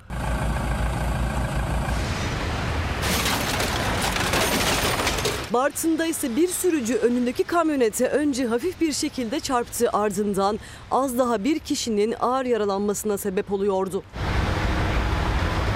Esma Nur A isimli sürücü aracıyla kamyonete sadece biraz dokunmuştu. O sırada iki kişi geldi, kamyonete baktılar. Sürücünün yanındaki yolcu da dışarı çıktı. İki kişiden biri Esma Nur A'ya geri gelmesi için direktifler verirken diğer kişi kamyonette hasar var mı diye kontrol etmeye devam etti. Ne olduysa o andan sonra oldu. Geri geri gelip duran sürücü bir anda hızlandı. Kamyonete bakmakta olan kişiyi aracıyla kamyonet arasında sıkıştırdı. Kazada hafif yaralanan Berat Bey Bartın Devlet Hastanesi'ne kaldırıldı. Polis kazayla ilgili inceleme başlattı. Ve 40 yıllık tehlikeli yolculuk bitti. Rize'deyiz. Yolumuz yok ki gideceğim yollan. Mağdur kaldık o dağın başına. Sonunda yola kavuştu mahalleli. 100 metre yükseklikteki tehlikeli teleferik yolculuğu inşa edilen yeni yolla son buldu. Teleferik işi de bitiyor yani yavaş yavaş yol geldiği için. Yaşlısı genci o teleferiği kullanıyordu karşıdan karşıya geçmek için. Üstelik de 40 yıldır. Rize'nin Muradiye beldesinde yol olmadığı için bir zorunluluktu aslında teleferik. Patika yol uzun ve daha zahmetliydi. Teleferik sistemi kurmuşlardı. Önceleri sadece eşya ve yük taşınırken sonraları insan da taşınmaya başlanmıştı o teleferikle. Yöre sakinleri tehlikeyi de göze alıp evleriyle araç yolu arasında işte böyle yolculuk yapıyordu. Ne yapalım buraya çok mağduruk. Evimiz burası da mecburi buraya duruyoruz. Çok yüksek tehlikeli tabii. Tehlike çok ama yol yok ne yapalım? Zaman zaman da kazalar da yaşandı o teleferikte ama artık bir yolu var mahallenin. 500 metrelik yeni yoldan güvenle evlerine ya da ana yola ulaşabiliyor mahalle sakinleri. Teleferiği ise sadece yük ve eşya taşımak için kullanıyorlar. Şimdi siyaset başlığına yeniden döneceğiz. Cumhuriyet Halk Partisi İyi Parti'ye gitti. İşbirliği teklifinde bulundu ve bu işbirliği teklifini de Genel İdare Kurulu'nda İyi Parti ele aldı. Çıkan sonuç 34'e karşı 14. Yani biz işbirliğine kapalıyız dedi İyi Parti. Şimdi bu konuya bu başlığa geçmeden önce bir dün misafirimizdi İstanbul Büyükşehir Belediye Başkanı Ekrem İmamoğlu. Kendisinin bir çağrısı var Cumhur İttifakı'na, Cumhurbaşkanı Erdoğan'a ve dedi ki burada Çalar Saat'te e, çıkın adayınızı açıklayın. Biz bu sözü Mayıs seçimlerinin öncesinde adayınız nerede? Hadi çıkın, hadi açıklayın şeklinde Cumhur İttifakı'ndan çok duymuştuk. Şimdi rüzgar tersine mi döndü diyerek İmamoğlu'nun çağrısı. İstanbul'la ilgili her türlü kararı talimat şeklinde söyleyecek bir duyguyu İstanbul kaldıramaz. Bunu reddeder. Yık yık, yap yap, yol ver yol ver. Bu dönem bitti be kardeşim, bitti. Yeniden İstanbul bu mücadelenin parolalarından biri olacaktır. Yeniden İstanbul zaten 2019'da başladı. Geçmiş ola. Bir an önce Cumhur İttifakı adayını açıklasın. Sizin de çağrınız e, tabii bu. Tabii ki açıklasın. Niye açıklamasın? Cumhurbaşkanı Erdoğan yerel seçim için İstanbul sloganını açıkladı ama aday açıklaması yok. Ekrem İmamoğlu adayınızı açıklayın çağrısı yaptı. AK Parti'den zaman var yanıtı geldi. İsim anketleri yapılacak daha. Tek tek isimleri koymak suretiyle sunacağız. O ismi bu isim. Bazen işte 5 isim, 6 isim, 7 isim bazen de onları 1'e 2'ye 3'e indirerek daha küçülterek soracaksınız. Tabii işlerinin zor olduğunu da görüyorum. Zor olmasa daha böyle seri hareket edebilirler. İstanbul Büyükşehir Belediye Başkanı Ekrem İmamoğlu Fox ekranlarında İlker Karagöz'e Çalar Saat programının konuydu. 2019'da ben Sisi olmuştum. Şimdi Netanyahu demeye başladı. Çünkü Sisi ile dostluğu var. Neyse biz de Netanyahu ile olan geçmişteki dostluklarını hatırlatırız. Pazar günü Sisi mi diyeceğiz? Binali Yıldırım mı diyeceğiz? İstanbul Büyükşehir Belediyesi'nin euro olarak borcu 1.8 milyar. Şu anda İstanbul Büyükşehir Belediyesi'nin euro borcu ne kadar? 2.8 milyar. Ne kadar artmış? 1 milyar. 1 milyar euro civarında biz İstanbul Büyükşehir Belediyesi'nin geçmişe dair borcunu ödedik. 10 metro hattının 5'ini açmış, 5'ini de aşmak üzere 2025'e koşarken İstanbul Büyükşehir Belediyesi. Kreşi ilk defa bu şehrin gündemine taşıdık. İlk kez anne kart dağıttık. İlk kez halk süt verdik. İlk kez bu şehirde öğrenci yurdu açtık. Acaba Ali Yerlikaya İçişleri Bakanı böyle biraz seküler kesimin de ilgisini çekiyor. İşte operasyonlarıyla operasyonlarla Atatürkçü duruşuyla vesaire falan acaba hani merkezden de oy alır Ekrem Bey'i geçer mi diye bir şey çevriliyor. Gazeteci Deniz Zeyrek'in Fox orta sayfa programında paylaştığı kulis bilgisi. AK Parti'nin İstanbul Büyükşehir Belediyesi adayları arasında Tevfik Göksu'nun, Selçuk Bayraktar'ın, Murat Kurum'un, Ali Yerlikaya'nın ismi geçiyor. Tevfik Göksu İmamoğlu'nu canlı yayına davet ettiği sosyal medya paylaşımını sildi. Bu aktörler önemli aktörler ama başka önemli aktörler de var. Bu önemli aktörlerimizin hangi birinin olacağına temayüle bakarak, ankete bakarak, milletin nabzını tutarak karar verecek AK Parti. Ben gerçekten kampanyalarımın hiçbirisinde rakiple ilgilenmedi. Mevzum rakip değil çünkü benim mevzum İstanbul halkı. Ekrem İmamoğlu iddialı. AK Parti ise İstanbul'a aday arıyor. Şimdi gelelim İyi Parti'nin kararına, İyi Parti'nin Cumhuriyet Halk Partisi'ne hayır deyişine sonra da yeniden Ankara'ya döneceğiz. Bir konuğumuz var. Siyaseti değerlendireceğiz.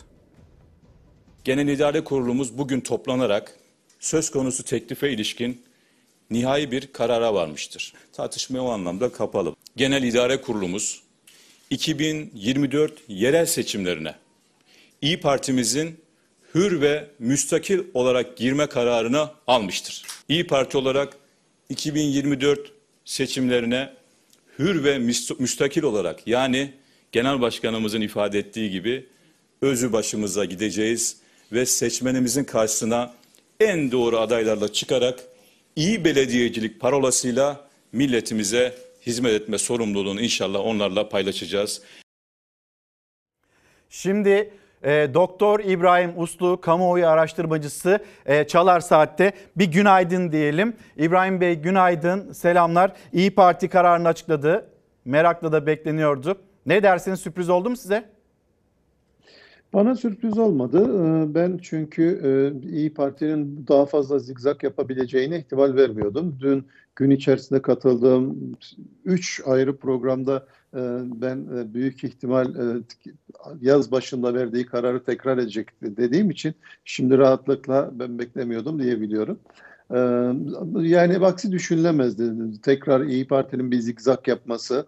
Yani habire ittifaktayım, hayır değilim, tek başıma gireceğim, sonra bir daha ittifaktayım, bir daha değilim falan diyecek olması İyi Parti açısından da büyük bir sorundu. Niye? Çünkü e, seçmenin de güvenilirliğini e, sarsacak bir adım olurdu.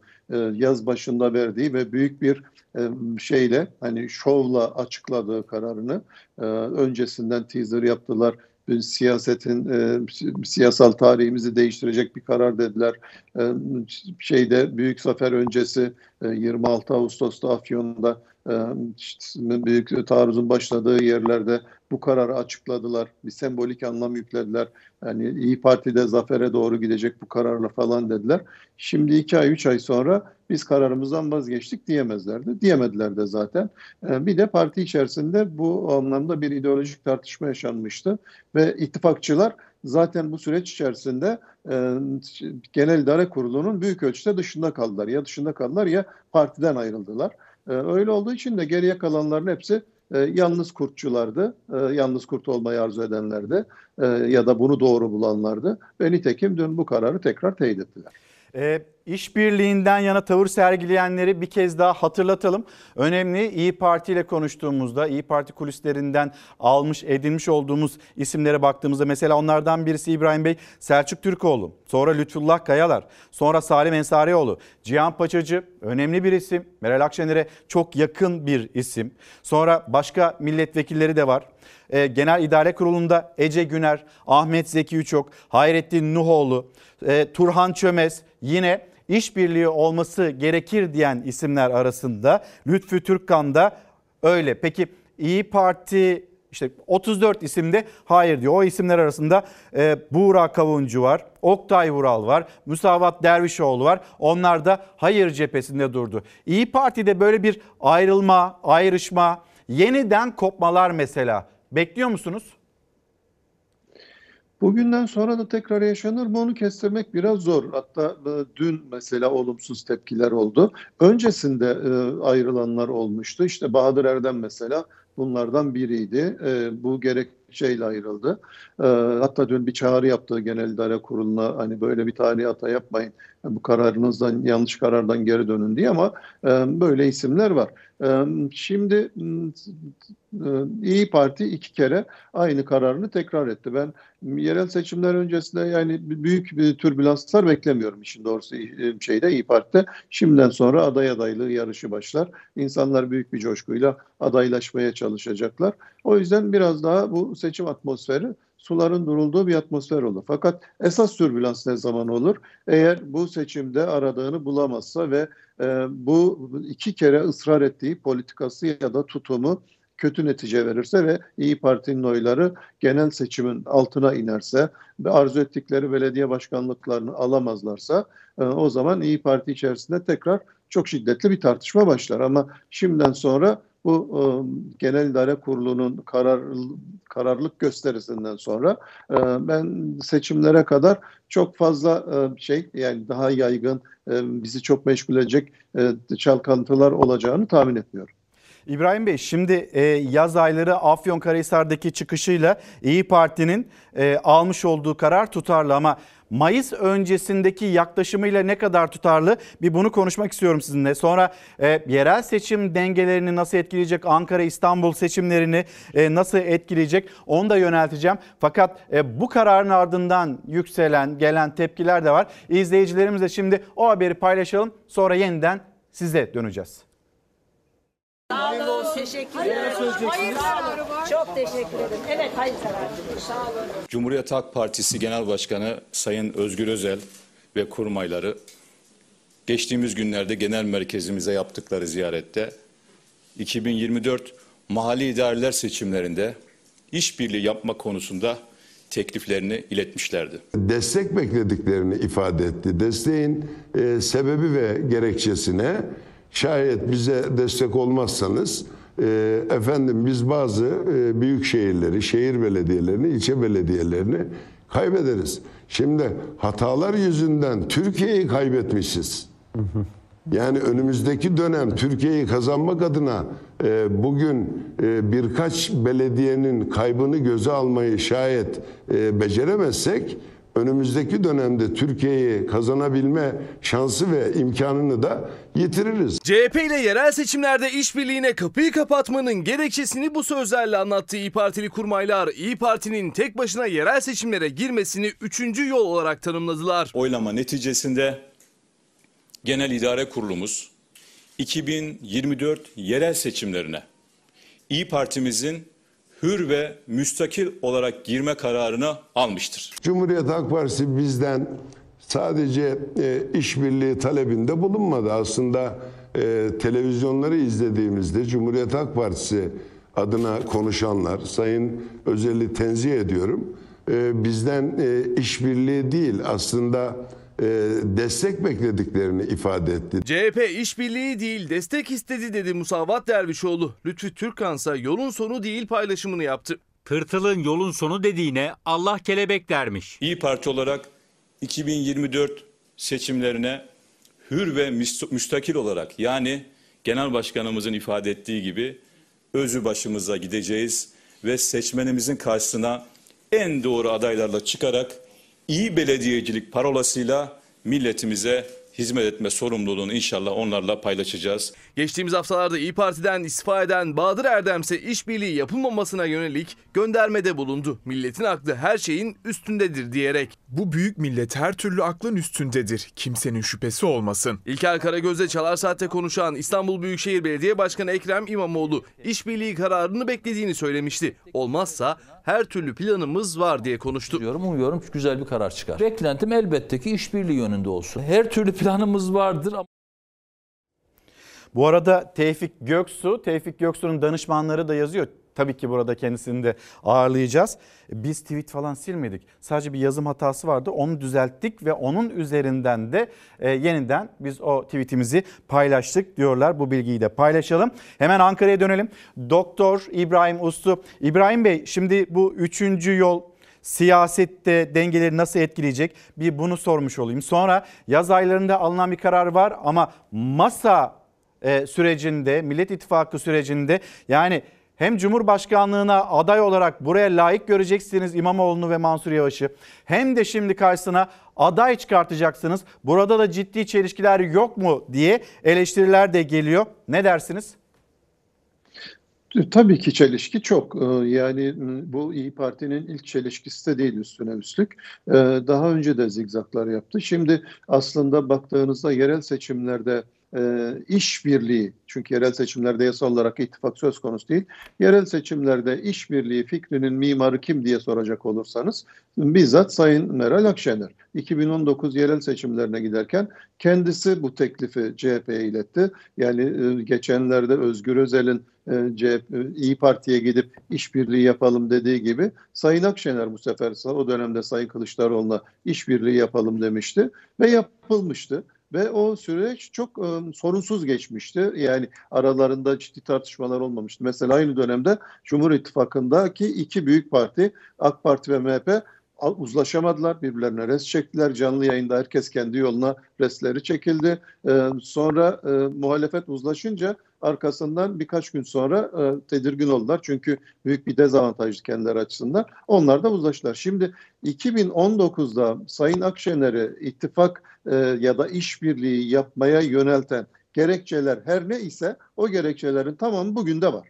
E, 2023'te e, bu bütün partilerin birleşerek e, ortak rekabet etmesini zorunlu kılan gerekçeler her ne idiyse onlar da hala hazırda geçerli. Şimdi koşullar aynı, atmosfer aynı, rakibiniz aynı. Hatta rakibiniz biraz daha büyümüş, ortaklığına yeni partnerler katmış. Ee, ve fakat siz e, burada 2019'daki, 2023'teki bütün analizlerinizi unutup e, bu sefer yalnız kurt olarak yolunuza devam etmenin e, siyaseten daha doğru olduğunu düşünüyorsunuz. Şimdi bu çelişkiyi açıklamak gerçekten kolay değil. E, zaten e, şey e, yani seçmenlerini açıklamakta da zorlanacaklar bir süre sonra. Sahaya çıktıklarında bu tepkileri kendileri bizzat görecekler. E, evet 2023'te de bazı zorluklar yaşadılar. Doğru. Çünkü o kadar çok partiyi bir arada, e, o kadar çok partinin bir arada hareket etmesi kolay bir iş değildi. O zorlukları yaşadılar. Fakat burada 2019'u tekrar e, şey simüle edeceklerdi ya da onun oradaki sorunları giderecek adımlar atacaklardı. Yani buradaki mukayese 2023 değildi aslında. 2019 olması gerekiyordu ki o dönemde sorunsuz bir işbirliği süreci gerçekleşmişti. Ama 2019'u nedense unutmayı tercih ettiler ve işbirliği deyince hep 2023'ün kötü hatıralarını iyi Partililer bize anlattılar. Ama 2019'un o başarılı performansını nedense görmezden gelmeyi ya da unutturmayı istediler. O yüzden e, İyi Parti e, benim gördüğüm çelişkilerle dolu parti. Bazen hızlı da şey karar verebiliyor ve hızlı zigzaklar da yapabiliyor. Yani 3 Mayıs, 4 Mayıs arkasından 6 Mayıs'taki tutumu arasında sanki birden fazla partiyle muhatap oluyormuşuz duygusunu yaratacak kadar birbirinden farklı tepkiler verebildi. Ee, şimdi de e, böyle takdir etti. Elbette ki sonunda müstakil bir partidir ve istediği kararı alabilir. Yani e, istediği karar alma hakkı Elbette. tabii ki var. Onu teslim ederek bunları söylüyorum. Ama m, şimdi siz istediğiniz karar alabilirsiniz. Seçmenin de istediği kararı verme hakkı var.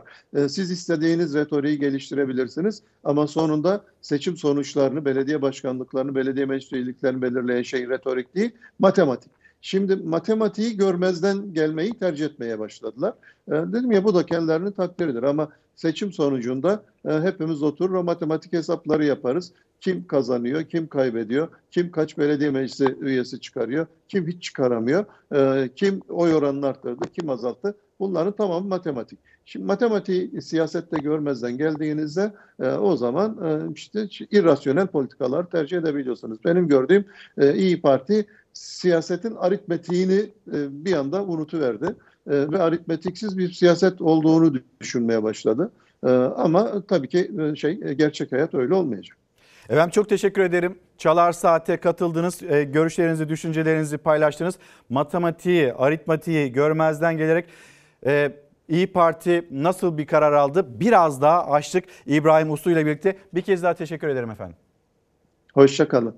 Çok sağ olun. Efendim şimdi e, hemen hızlı bir şekilde reklamlara gidelim. Döndüğümüzde paylaşacağımız çok haber var. Siyasetten, ekonomiye, hayattan, sonra fenomenlerden pek çok bir de fon dolandırıcılığı var. Yeni gelişmeler var yeni günde. Hepsini hızlı bir şekilde ekranlarınıza getirelim. Günaydın bir kez daha devam ediyoruz. Ben de tam sizlerden gelen mesajlara bakıyordum Instagram'dan göstereyim.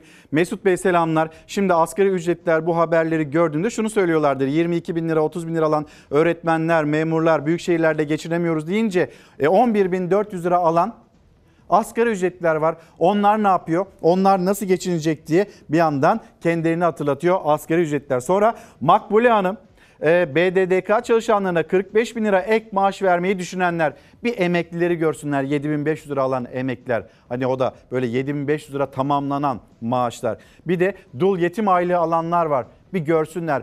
İnsanca yaşamak bizim hakkımız değil mi diye soruyorlar. Hepimizin hakkı bugünkü başlığımız ve Nilgün Hanım insan gibi yaşamak emekliliğinde hakkı diyor. Fersan Kurt lütfen artık 500 liralık 1000 liralık banknotlar çıksın.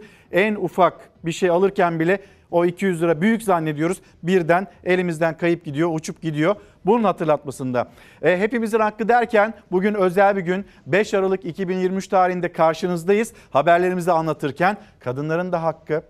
5 Aralık 1934'te Türkiye'de kadınlara milletvekili seçme ve seçilme hakkı tanınan kanun kabul edildi. Bunu hatırlatalım. Sonra siyasetten haberleri de geçeceğiz. Fakat bugün kadınlara seçme seçilme hakkının verildiği gün dün madencilerin günüydü. Madencileri unutmayalım. Kömür karası o madenlerde bir hayat, bir e, bir mücadele içinde bir avuç kömür için nasıl o yerin metrelerce altında mücadele veriyorlar?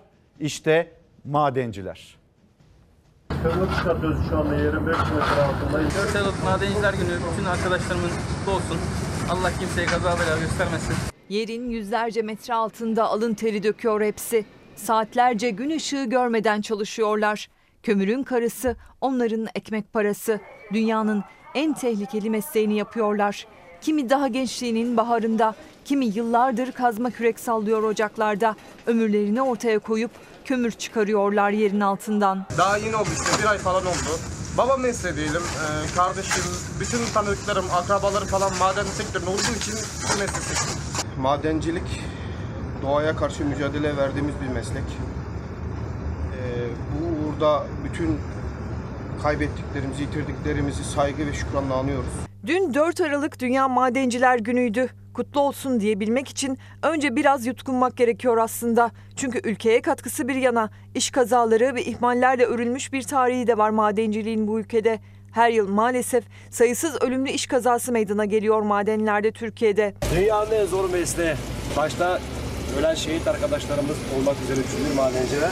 Diğer Zonguldak'ta şehit olan madenci arkadaşlarımıza çalışan bütün madenci ailesinin e, 4 Aralık madenciler günü kutlu olsun. Bir avuç kömür için bir ömür verenlerin diyarı burası. Ve Soma 2014 yılında 301 madencinin yitip gittiği Soma. İşçilerimiz zor şartlarda çalışıyor. Emniyetli şekilde kazası belası çalışmaya nasip ediyor. Madenciler 6 Şubat depreminden sonra e, depremde de çok önemli görevler e, yaptılar. E, madencileri unutmayalım. Dünyanın en zor mesleği. Kısıtlı imkanlarla çalışıyoruz ama madenimizi, işimizi gerçekten seviyoruz. Manisa'nın Soma ilçesinde yaşanan o facianın üstünden tam 9 yıl geçti. Hafızalardan, yüreklerden silinmeyecek bir acı kaldı geride. Hayatsa devam ediyor. Ekmek kavgası da. Somalı madenciler, madenciler gününe çalışarak girdi. 15 senelik madenci. Baba mesleği. Babam maden emeklisi, dedem maden emeklisi. Çoğu baba dede mesleği diyerek girmiş ocağa. İşleri zor ve riskli ama mesleğini sevmeyen yok içlerinde. Canla başla ve büyük bir emekle kömürü çıkarmak için çabalıyor madenciler. Günleri kutlu olsun. Kazasız, belasız. Bütün madenci şehitlerimizi rahmetle anıyoruz.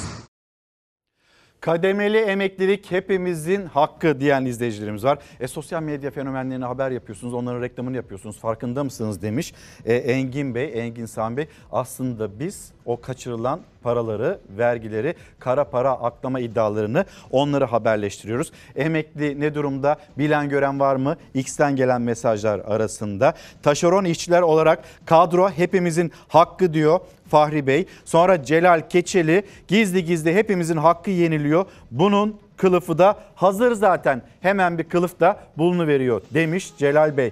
Gelelim o siyasetten habere. Yani e, CHP İyi Parti hattında böyle köprüler atıldı. işbirliği köprüleri. Peki AK Parti MHP hattında neler yaşanıyor? HDP nasıl bir açıklama yaptı? İl il ilçe ilçe ittifak çalışmasına devam ediyor. AK Parti ve MHP ve HDP bütün seçim bölgelerinde aday çıkartma eğilimindeyiz açıklaması geldi. Çalışmanızda siz 20 il dersiniz. ikinci toplantıda bu 27 olabilir, 20'ye düşebilir. Bu net şu kadar il diyebileceğimiz bir noktada değiliz. Üstüne konuşmaya devam ediyoruz. Cumhur İttifakı'nda yerel seçim hazırlıkları ince ince işliyor. AK Parti Adana, Mersin ve Manisa'da MHP'nin adayını desteklemeye hazırlanıyor. İyi Parti hür ve müstakil seçime girme kararı alırken CHP'ye hayır derken Cumhur İttifakı ittifak çalışmalarını ilerletti. 21 ilde ittifak yapılacağı kulislere yansımıştı. İşbirliği yapılacak il ve ilçelerde neredeyse tamam.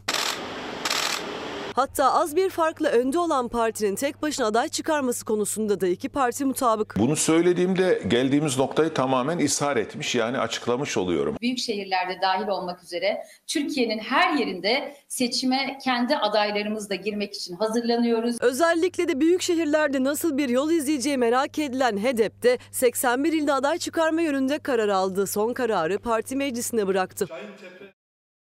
Akhisar'a günaydın diyelim. Makbule Ayaz Instagram'dan göndermiş iyi yaşamak, alışveriş yapmak. Hepimizin hakkı çalışıyoruz, üretiyoruz. Bu ülkeye dair katma değer üretmeye de çalışıyoruz. Neticede yokluk ve yoksulluk bizim karşımıza çıkan hatırlatmalar arasında. Şimdi Amerika Birleşik Devletleri Teksas eyaleti bir görüntü var. Hemen gelsin ekranlarınıza. Büyük Oo. bir patlama gerçekleşti Teksas'ta. Şimdi Görüyorsunuz buradaki patlamayı tekrar gelecek. Bunu bir kez daha paylaşacağız. Ee, önce silah sesleri duyuldu. Teksas eyaletinde bir yerleşkede. Sonra bu silah sesleri üzerine polis olay yerine gitti ve Oo. bu olay yerinde polis oraya vardığında işte o patlama anı. Neden oldu? Nasıl oldu? Bu patlamanın detayları, notları birazdan geldikçe Amerika Birleşik Devletleri'nden bilgi geldikçe yine Çalar Saat'te paylaşacağımız haberler arasında. Bir kez daha görelim mi o görüntüyü?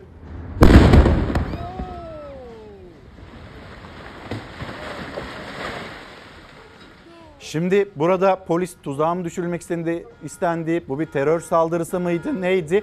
3-5 silah sesi polis oraya geldi ve sonrasında işte düzeltiyorum 30 el 40 el silah sesinden sonra bu patlama Teksas'ta.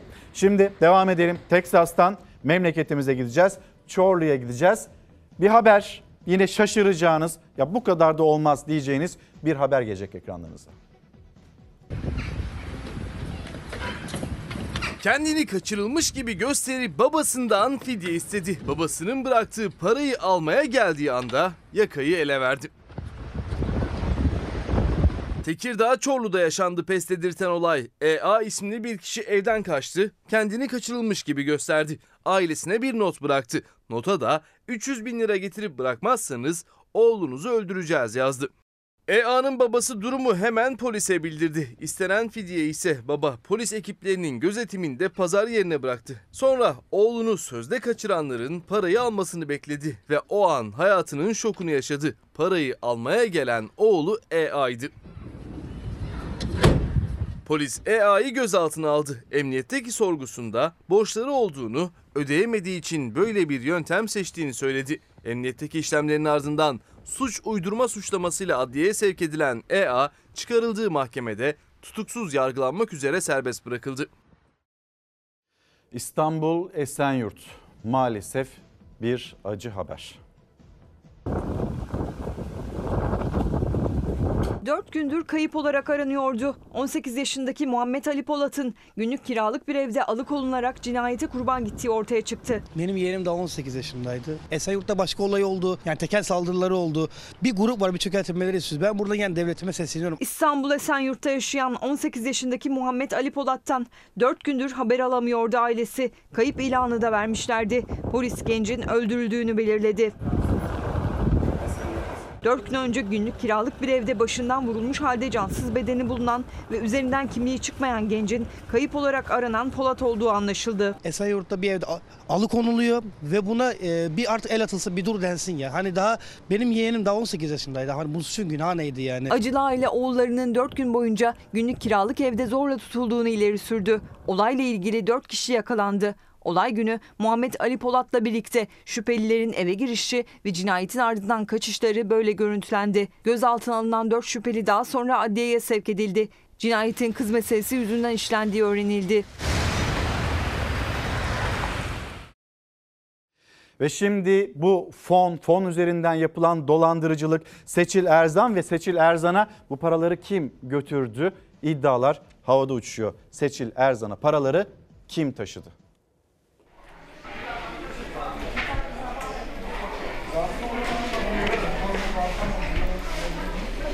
İşte Fatih Terim'e en yakın isimlerden biri uzun süre Terim'in yardımcılığını da yapan teknik direktör Müfit Erkasap'ın eşi Nur Erkasap. Nur Erkasap'ın Seçil Erzan'a teslim edilmek üzere bankadan para çektiği iddia ediliyor. Fox Haber o anların görüntüsüne ulaştı.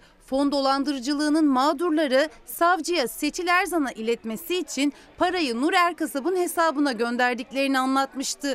O tarihlerle bu görüntülerin tarihi aynı. 1 milyon doları Emre Belezoğlu bana EFT yoluyla göndermiştir. Ben de bu parayı Nur Erkasap'a gönderdim. Nur abla da akabinde parayı elden çekip Seçil Erzan'a elden teslim etmiştir.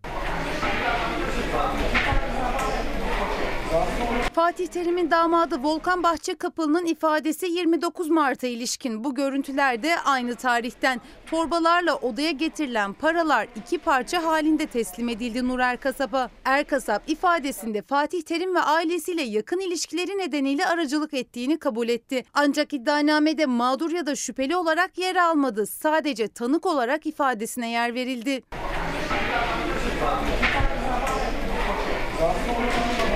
Volkan Bahçe Kapılı'yı Fatih Terim'in damadı olması sebebiyle tanırım. Seçilerzen bana Volkan Bahçe Kapılı'nın kendisine para göndereceğini fakat işin aciliyetinden dolayı parayı benim hesabıma yollayıp yollamayacağını sormuştu. Benim parasal işlerimi zaten Seçilerzen yönettiği için ben de güvenip hiçbir şeyden şüphe etmeden kabul ettim.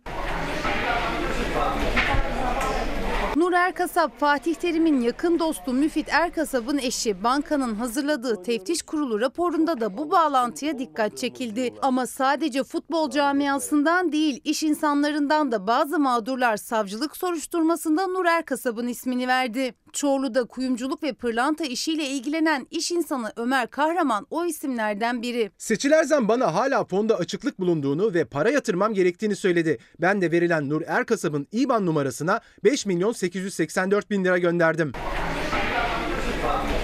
Erkasap'ın dolandırılan bir başka iş insanının fona para yatırması amacıyla senet imzaladığı da iddia ediliyor. O senet de soruşturma dosyasında yer aldı. Ancak Nur Erkasap böyle bir senede imza atmadığını savundu. Kandırıldığını söyledi. Seçiler Zan'la birlikte Denizbank Genel Müdürü Hakan Ateş'ten de şikayetçi oldu.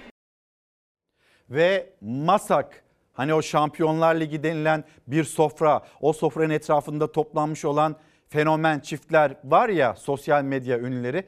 Masak şimdi onları araştırmak için ve daha fazlasını araştırmak için özel ekip kurdu. Bu para nereden geliyor? Kendi ürünlerimi satıyorum. Bir ayda 1 milyon adet ürün satıyorum. Gördüğünüz anda kan dolaşımınız hızlanıyor. Hazine ve Maliye Bakanlığı fenomenler için özel bir ekip oluşturdu. 3000 sosyal medya fenomeni incelemeye alındı. Yüzden fazla isim hakkında suç duyurusunda bulunuldu. Şampiyonlar Ligi başlığıyla paylaşılan fotoğrafta yer alan 12 kişinin de şirketlerine kayyum atandı. Kara para aklama ve vergi kaçırmakla suçlanıyor sosyal medya fenomenleri. Bunlara bir de uyuşturucu kaçakçılığı suçlaması eklendi. Kozmetik ham maddesi adı altında Türkiye'ye uyuşturucu getirmekle suçlanıyor Dilan Polat ve Engin Polat. Bir ipucu var elde ve e, savcılık buradan işte e, bir şekilde bu işi çözmeye çalışacaktır. Daha sonra işte bu işe bulaşanlar, bu maddeyi taşıyanlar, e, bu işi bu maddeyi dönüştürenler, piyasaya sürenler ve onların bu firmayla irtibatı, bu kişilerle aldıkları talimatlar gibi bir organize suç örgütünü dört dörtlük ortaya koyacak şekilde soruşturma genişletilebilir. Herkes denetleniyor siz rahat olun. Sen denetleniyorsan ben yüz denetleniyorum. Devletim herkesi denetler. Kurban olduğum devlet. Biz bu devletin vatandaşıyız. Buradayız. Hadi. Yaklaşık bir ay önce tutuklandı Engin Polat ve Dilan Polat. Operasyondan önce zehir çarkını deneyimli gazeteci Nevşin Mengü Türkiye'nin en çok izlenen tartışma programı orta sayfada anlatmıştı. Bu iddia bir kapalı çarşı esnafının ihbarıyla savcılığa da iletildi. Bulgaristan'dan ham maddesi getiriliyor bu kozmetik şeylerinin fakat bu ham maddelerin içinde uyuşturucu maddeler de var. Bunlar kimya laboratuvarlarında ayrıştırılıyor ve bu uyuşturucu piyasaya sürülüyor. Kimyasal madde olduğu için bunlar diğer maddelerle bir şekilde tepkimeye girebilir. Bunları nasıl ayıracağınız da çok e, ciddi bir kimyasal laboratuvar işidir. Savcılığın amacı da muhtemelen e, bu iddiaları e, ortaya çıkarmaktır. Yoksa da takipsizlik karar verilecektir. Eski polis müdürü Feramuz Erdin'e göre kontrollü takibin ardından ancak somut delil varsa soruşturmanın düğmesine basılabilir. Bu da operasyonda uyuşturucu madde mi ele geçirildi sorusunu beraberinde getirdi. Tüm iddialar araştırılmaya devam ediyor. Haram para. Neymiş haram paranın sadakası olmaz. Bir soruşturmada Hazine ve Maliye Bakanlığı tarafından açıldı. 3000 fenomenin hesaplarının incelenmesi için Maliye özel ekip oluşturdu. Sosyal medya fenomenlerinin 2020 yılından bugüne kadarki şüpheli işlemleri mercek altına alındı. Sosyal medyada bu çılgınlıklar da devam ediyor. Bir kişi sosyal medyada açtı canlı yayını evini yaktı. Çok büyük şike oynanıyor. Şu andaki yaptığım evi yakıyorum. Yansın arkadaş yansın. Boş ver. Çankırı Ilgaz'da Onaç köyünde yaşayan şahıs köy halkına sinirlendi. Dilinden düşmeyen şike kelimesini kullanarak üzerime oynuyorlar dedi. Canlı yayın açtı sosyal medyada evini ateşe verdi. Aha çığır çığır yanıyor. Her yerine ateşi yaktım. Benim üzerime çok büyük Onaç köyünde şike oynanıyor. Yangın kısa sürede evi sardı. Alevler büyüyünce şahıs dışarı çıktı. Evi dışarıdan çekti. Evet her yerimi saldı. Alev her yerimi sardı. Sıkıntı yok. Vallahi hiç sıkıntı yok. Yansın arkadaş yansın. Boş ver. Kendi evini yaktığı yetmezmiş gibi komşusunun evi de yangından dolayı kullanılamaz hale geldi. Gözaltına alınan şahsın ifadesi sürüyor. Dolandırıcılık konusuna geri dönecek olursak yani şimdi tabii bu görüntüde insan çıkamıyor. Evet arkadaşlar merhaba arkadaşlar şu anda evimi yakıyorum arkadaşlar diye sosyal medya üzerinden açılan canlı yayınlar. Neyse devam edelim. Bu fon dolandırıcılığından her şey aslında kayıtlar var, belgeler var. Her şey bankanın gözü önünde oldu. Da banka nasıl bunu fark edemedi acaba?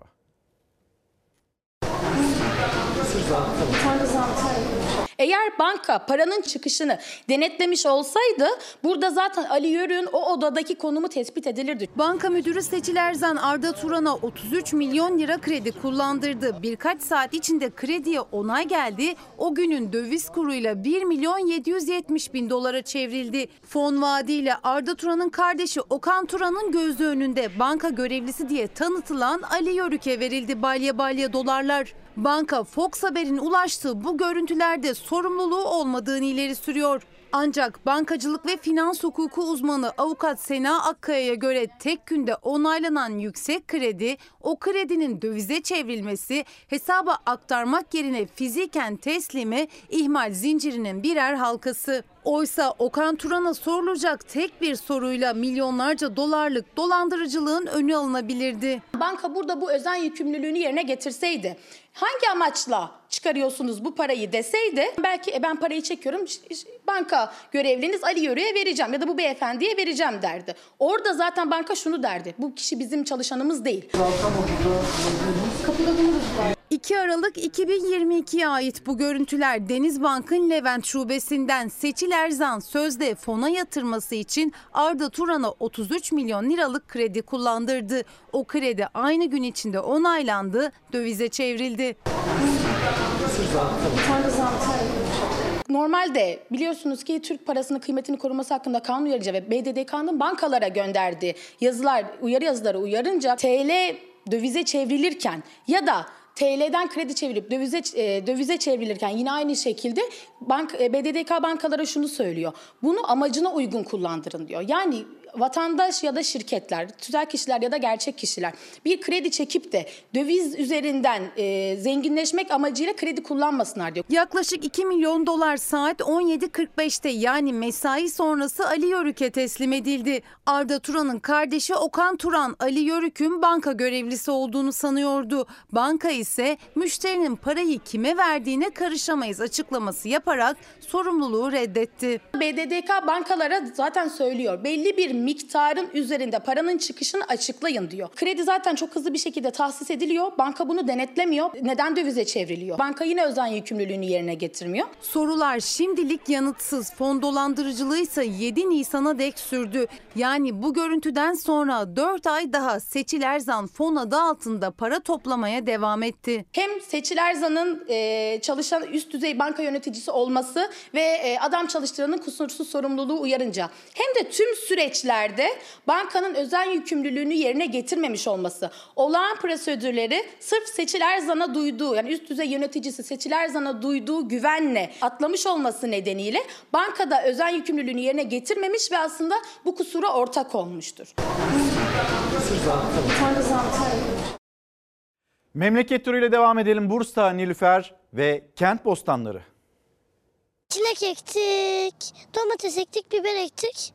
Ama yaparken bastırmayı ihmal etmemeliyiz. Sadece çocuklar değil, büyükler de belki de ilk kez toprakla temas etti bu sayede. Tohum ekti, o tohumları büyütüp ürün elde ettiler. Şehre bostan geldi. Nilüfer Belediyesi dört mahalleye kent bostanı kurdu. Burası mini bostan, çocuk bostanı. Ee, biz burada bitki ekiyoruz yani çilek ekiyoruz, patlıcan ekiyoruz. Mahallemizde çok rağbet oldu bu bostana Ee, ve çok başvuru oldu. Biz de ancak kura yöntemiyle e, bostan sahiplerini belirledik. Şehirler artık gri. Binalarla çevrili her noktası o şehirlerin değil toprağı, gökyüzünü görmek bile mümkün olmuyor bazen. Ağaç, çiçek, böcek için uzaklara gitmek gerekiyor. Şehirde doğan çocuklarsa bir domatesin bile nasıl yetiştiğini bilmeden büyüyor çoğu kez. Kitaplarda yazılanı okuyorlar belki ama sofraya gelenin zorlu ve emek isteyen serüvenine hiç tanık olamıyorlar. Tarımdan uzaklaştıkça insan da eksiliyor. Ama gelecek tarımsız düşünülemez. İşte bu amaçla Bursa'nın Nülüfer Belediyesi kolları sıvadı. Hem çocukları hem büyükleri düşündü. Dört mahallede yükselen binaların arasında yemyeşil bostanlar kurdu. En önemlisi ne biliyor musunuz? Çocuklarımızın aslında yediği domateslerin nerede nasıl ürettiklerini bilmemeleri. Biz de o yüzden buralarda biz çocuklarımızla tanıştırmak istiyoruz. Bu dört mahallede yapmış olduğumuz bostanların bir tanesini burada e, çocuklarımıza verdik. Biz bugün burada çilek fidelerini ektik. Tabii ekerken e, toprağı sıkıca bastırmalıyız ki toprakla etkileşime girsin. Toprak bize her şeyi geri veriyor ve biz emeklerimizin karşılığını geri alabiliyoruz. Çocuklar kent bostanları sayesinde tarım yapmayı öğrendi. Büyükler de onlara eşlik etti. Ata tohumlarından sebze meyve üretip tarımın geleceğine katkıda bulundular. Kolay gelsin. Teşekkür ederim. Soğan mı ekiyorsunuz? Evet, e, eski ürünleri söktük. Kış, e, kış için soğan ekiyoruz. İlk defa binadan çıktık, buraya gördük. Çok güzel, çok rahatlatıyor yani. İnsan ye- yemesine değil de şöyle yeşilliğine baktığın zaman daha güzel oluyor. Nilüfer Belediye Başkanı Turgay Erdem kent bostanları projesinin devam edeceğini söyledi. Türkiye yeniden kendini doyurabilen bir ülke e, olana kadar da bu çabalarımız e, sürecek. Yaşadığımız iklim krizi ve gıda krizi karşısında da zaten başka bir çaremiz yok. 60 yıldır beklenen düzenleme yer İzmir Bayraklı. İzmir Bayraklı 60 yıl sonra kentsel dönüşüme giriyor. Depreme hazırlıkta en önemli safhalardan kentsel dönüşüm. Ancak maliyetler ev sahiplerini düşündürüyor. 2020 yılında İzmir depreminin vurduğu Bayraklı'da yeni depremlere hazırlıksız yakalanmak istemiyor. Bu yüzden kentsel dönüşümü kolaylaştırmak için planlamalarda inşaat hakları %5 artırıldı. Mutluyum. Bu işi alnımızın akıyla yaptık. Dolayısıyla huzurunuzda hem sizlere hem emek veren Bayraklı Belediyesi bürokratlarına, Büyükşehir bürokratlarına, meclis üyelerimize, Büyükşehir meclis üyelerimize huzurlarınızda bir teşekkür borçluyum. 60 yıldır beklenen kentsel dönüşüm kooperatifleşme modeliyle başlayacak. İlk kazma vurulacak. Bodrum'a gideceğiz. Bodrum Belediye Başkanı Ahmet Aras beklenen kararını açıkladı. Bugün burada siz hemşehrilerimizin desteğiyle ve talebiyle çalışma arkadaşlarımızın tabii ki çok büyük gücüyle sizlerin karşısında sizlerden bir beş yıl daha çalışmak için tekrar aday olmak için bulunuyorum. Desteğinizi bekliyorum. Ben ben hizmete devam etmek için bunu bekliyorum. Ne koltuk sevdam var ne de şahsi menfaat meselem var. Benim tek meselem Bodrum'un sorunlarının bir an önce geride bırakılmasıdır. Vatandaşımın, her vatandaşımın hangi gelir grubunda olursa olsun, hangi etnik kimliğe, mezhepsel ya da dinsel kimliğe sahip olursa olsun, yerli, yabancı demeden herkese sahip çıkacak bir yönetimden söz ediyorum. Reklama giderken bakın lütfen dikkatle izleyin. Türkiye'nin en tehlikeli yollarında Ankaralı gazeteciler. Peki kimin için? Bakın kimin için.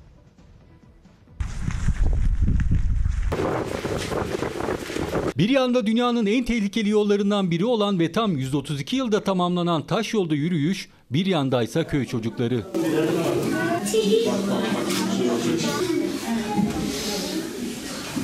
Büyüyünce ne olacaksın şimdi?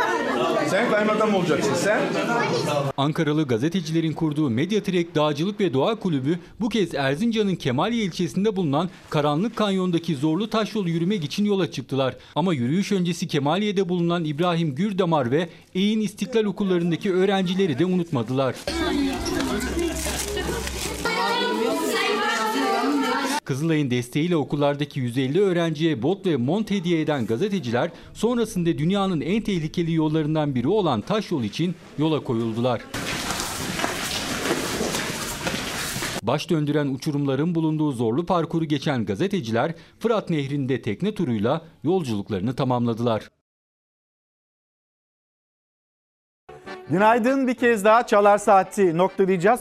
Yarın saatler 8'i gösterdiğinde biz yeniden buradayız. Yeni haberlerle, yeni bir başlıkla sizlerin gönderecek olduğu yeni gündem başlıklarıyla elbette. Kitaplarımızı göstereyim hemen. Eray Hacı Osmanoğlu İnsanlar Uykudadır. ölünce uyanırlar. Kanlı düş. Tek dünya, Büyük Orta Doğu ve Yeni Roma kanlı bir düştür diyor. Sonra halk ekmeğin doğuşu Nusret Ağacı'nın çalışması bir avuç vatanseverin mücadelesinin anlatıldığı kitap ve Profesör Doktor Naci Görür deprem konusunda herkesin dikkatini çekmeye çalışıyor. Deprem olduğunda bizi aramayın. Depremi her gün konuşmamız gerekiyor diyor. Bu toplumu, bu ülkeyi, insanlarını 7'den 70'e herkesi bilinçlendirmeye çalışırken işte Profesör Doktor Naci Görür çocuklar için deprem kitabı ve çalışması. Yaşasın bilgi diyen çocuklar. Kapatırken her zaman gibi teşekkürümüz sizlere.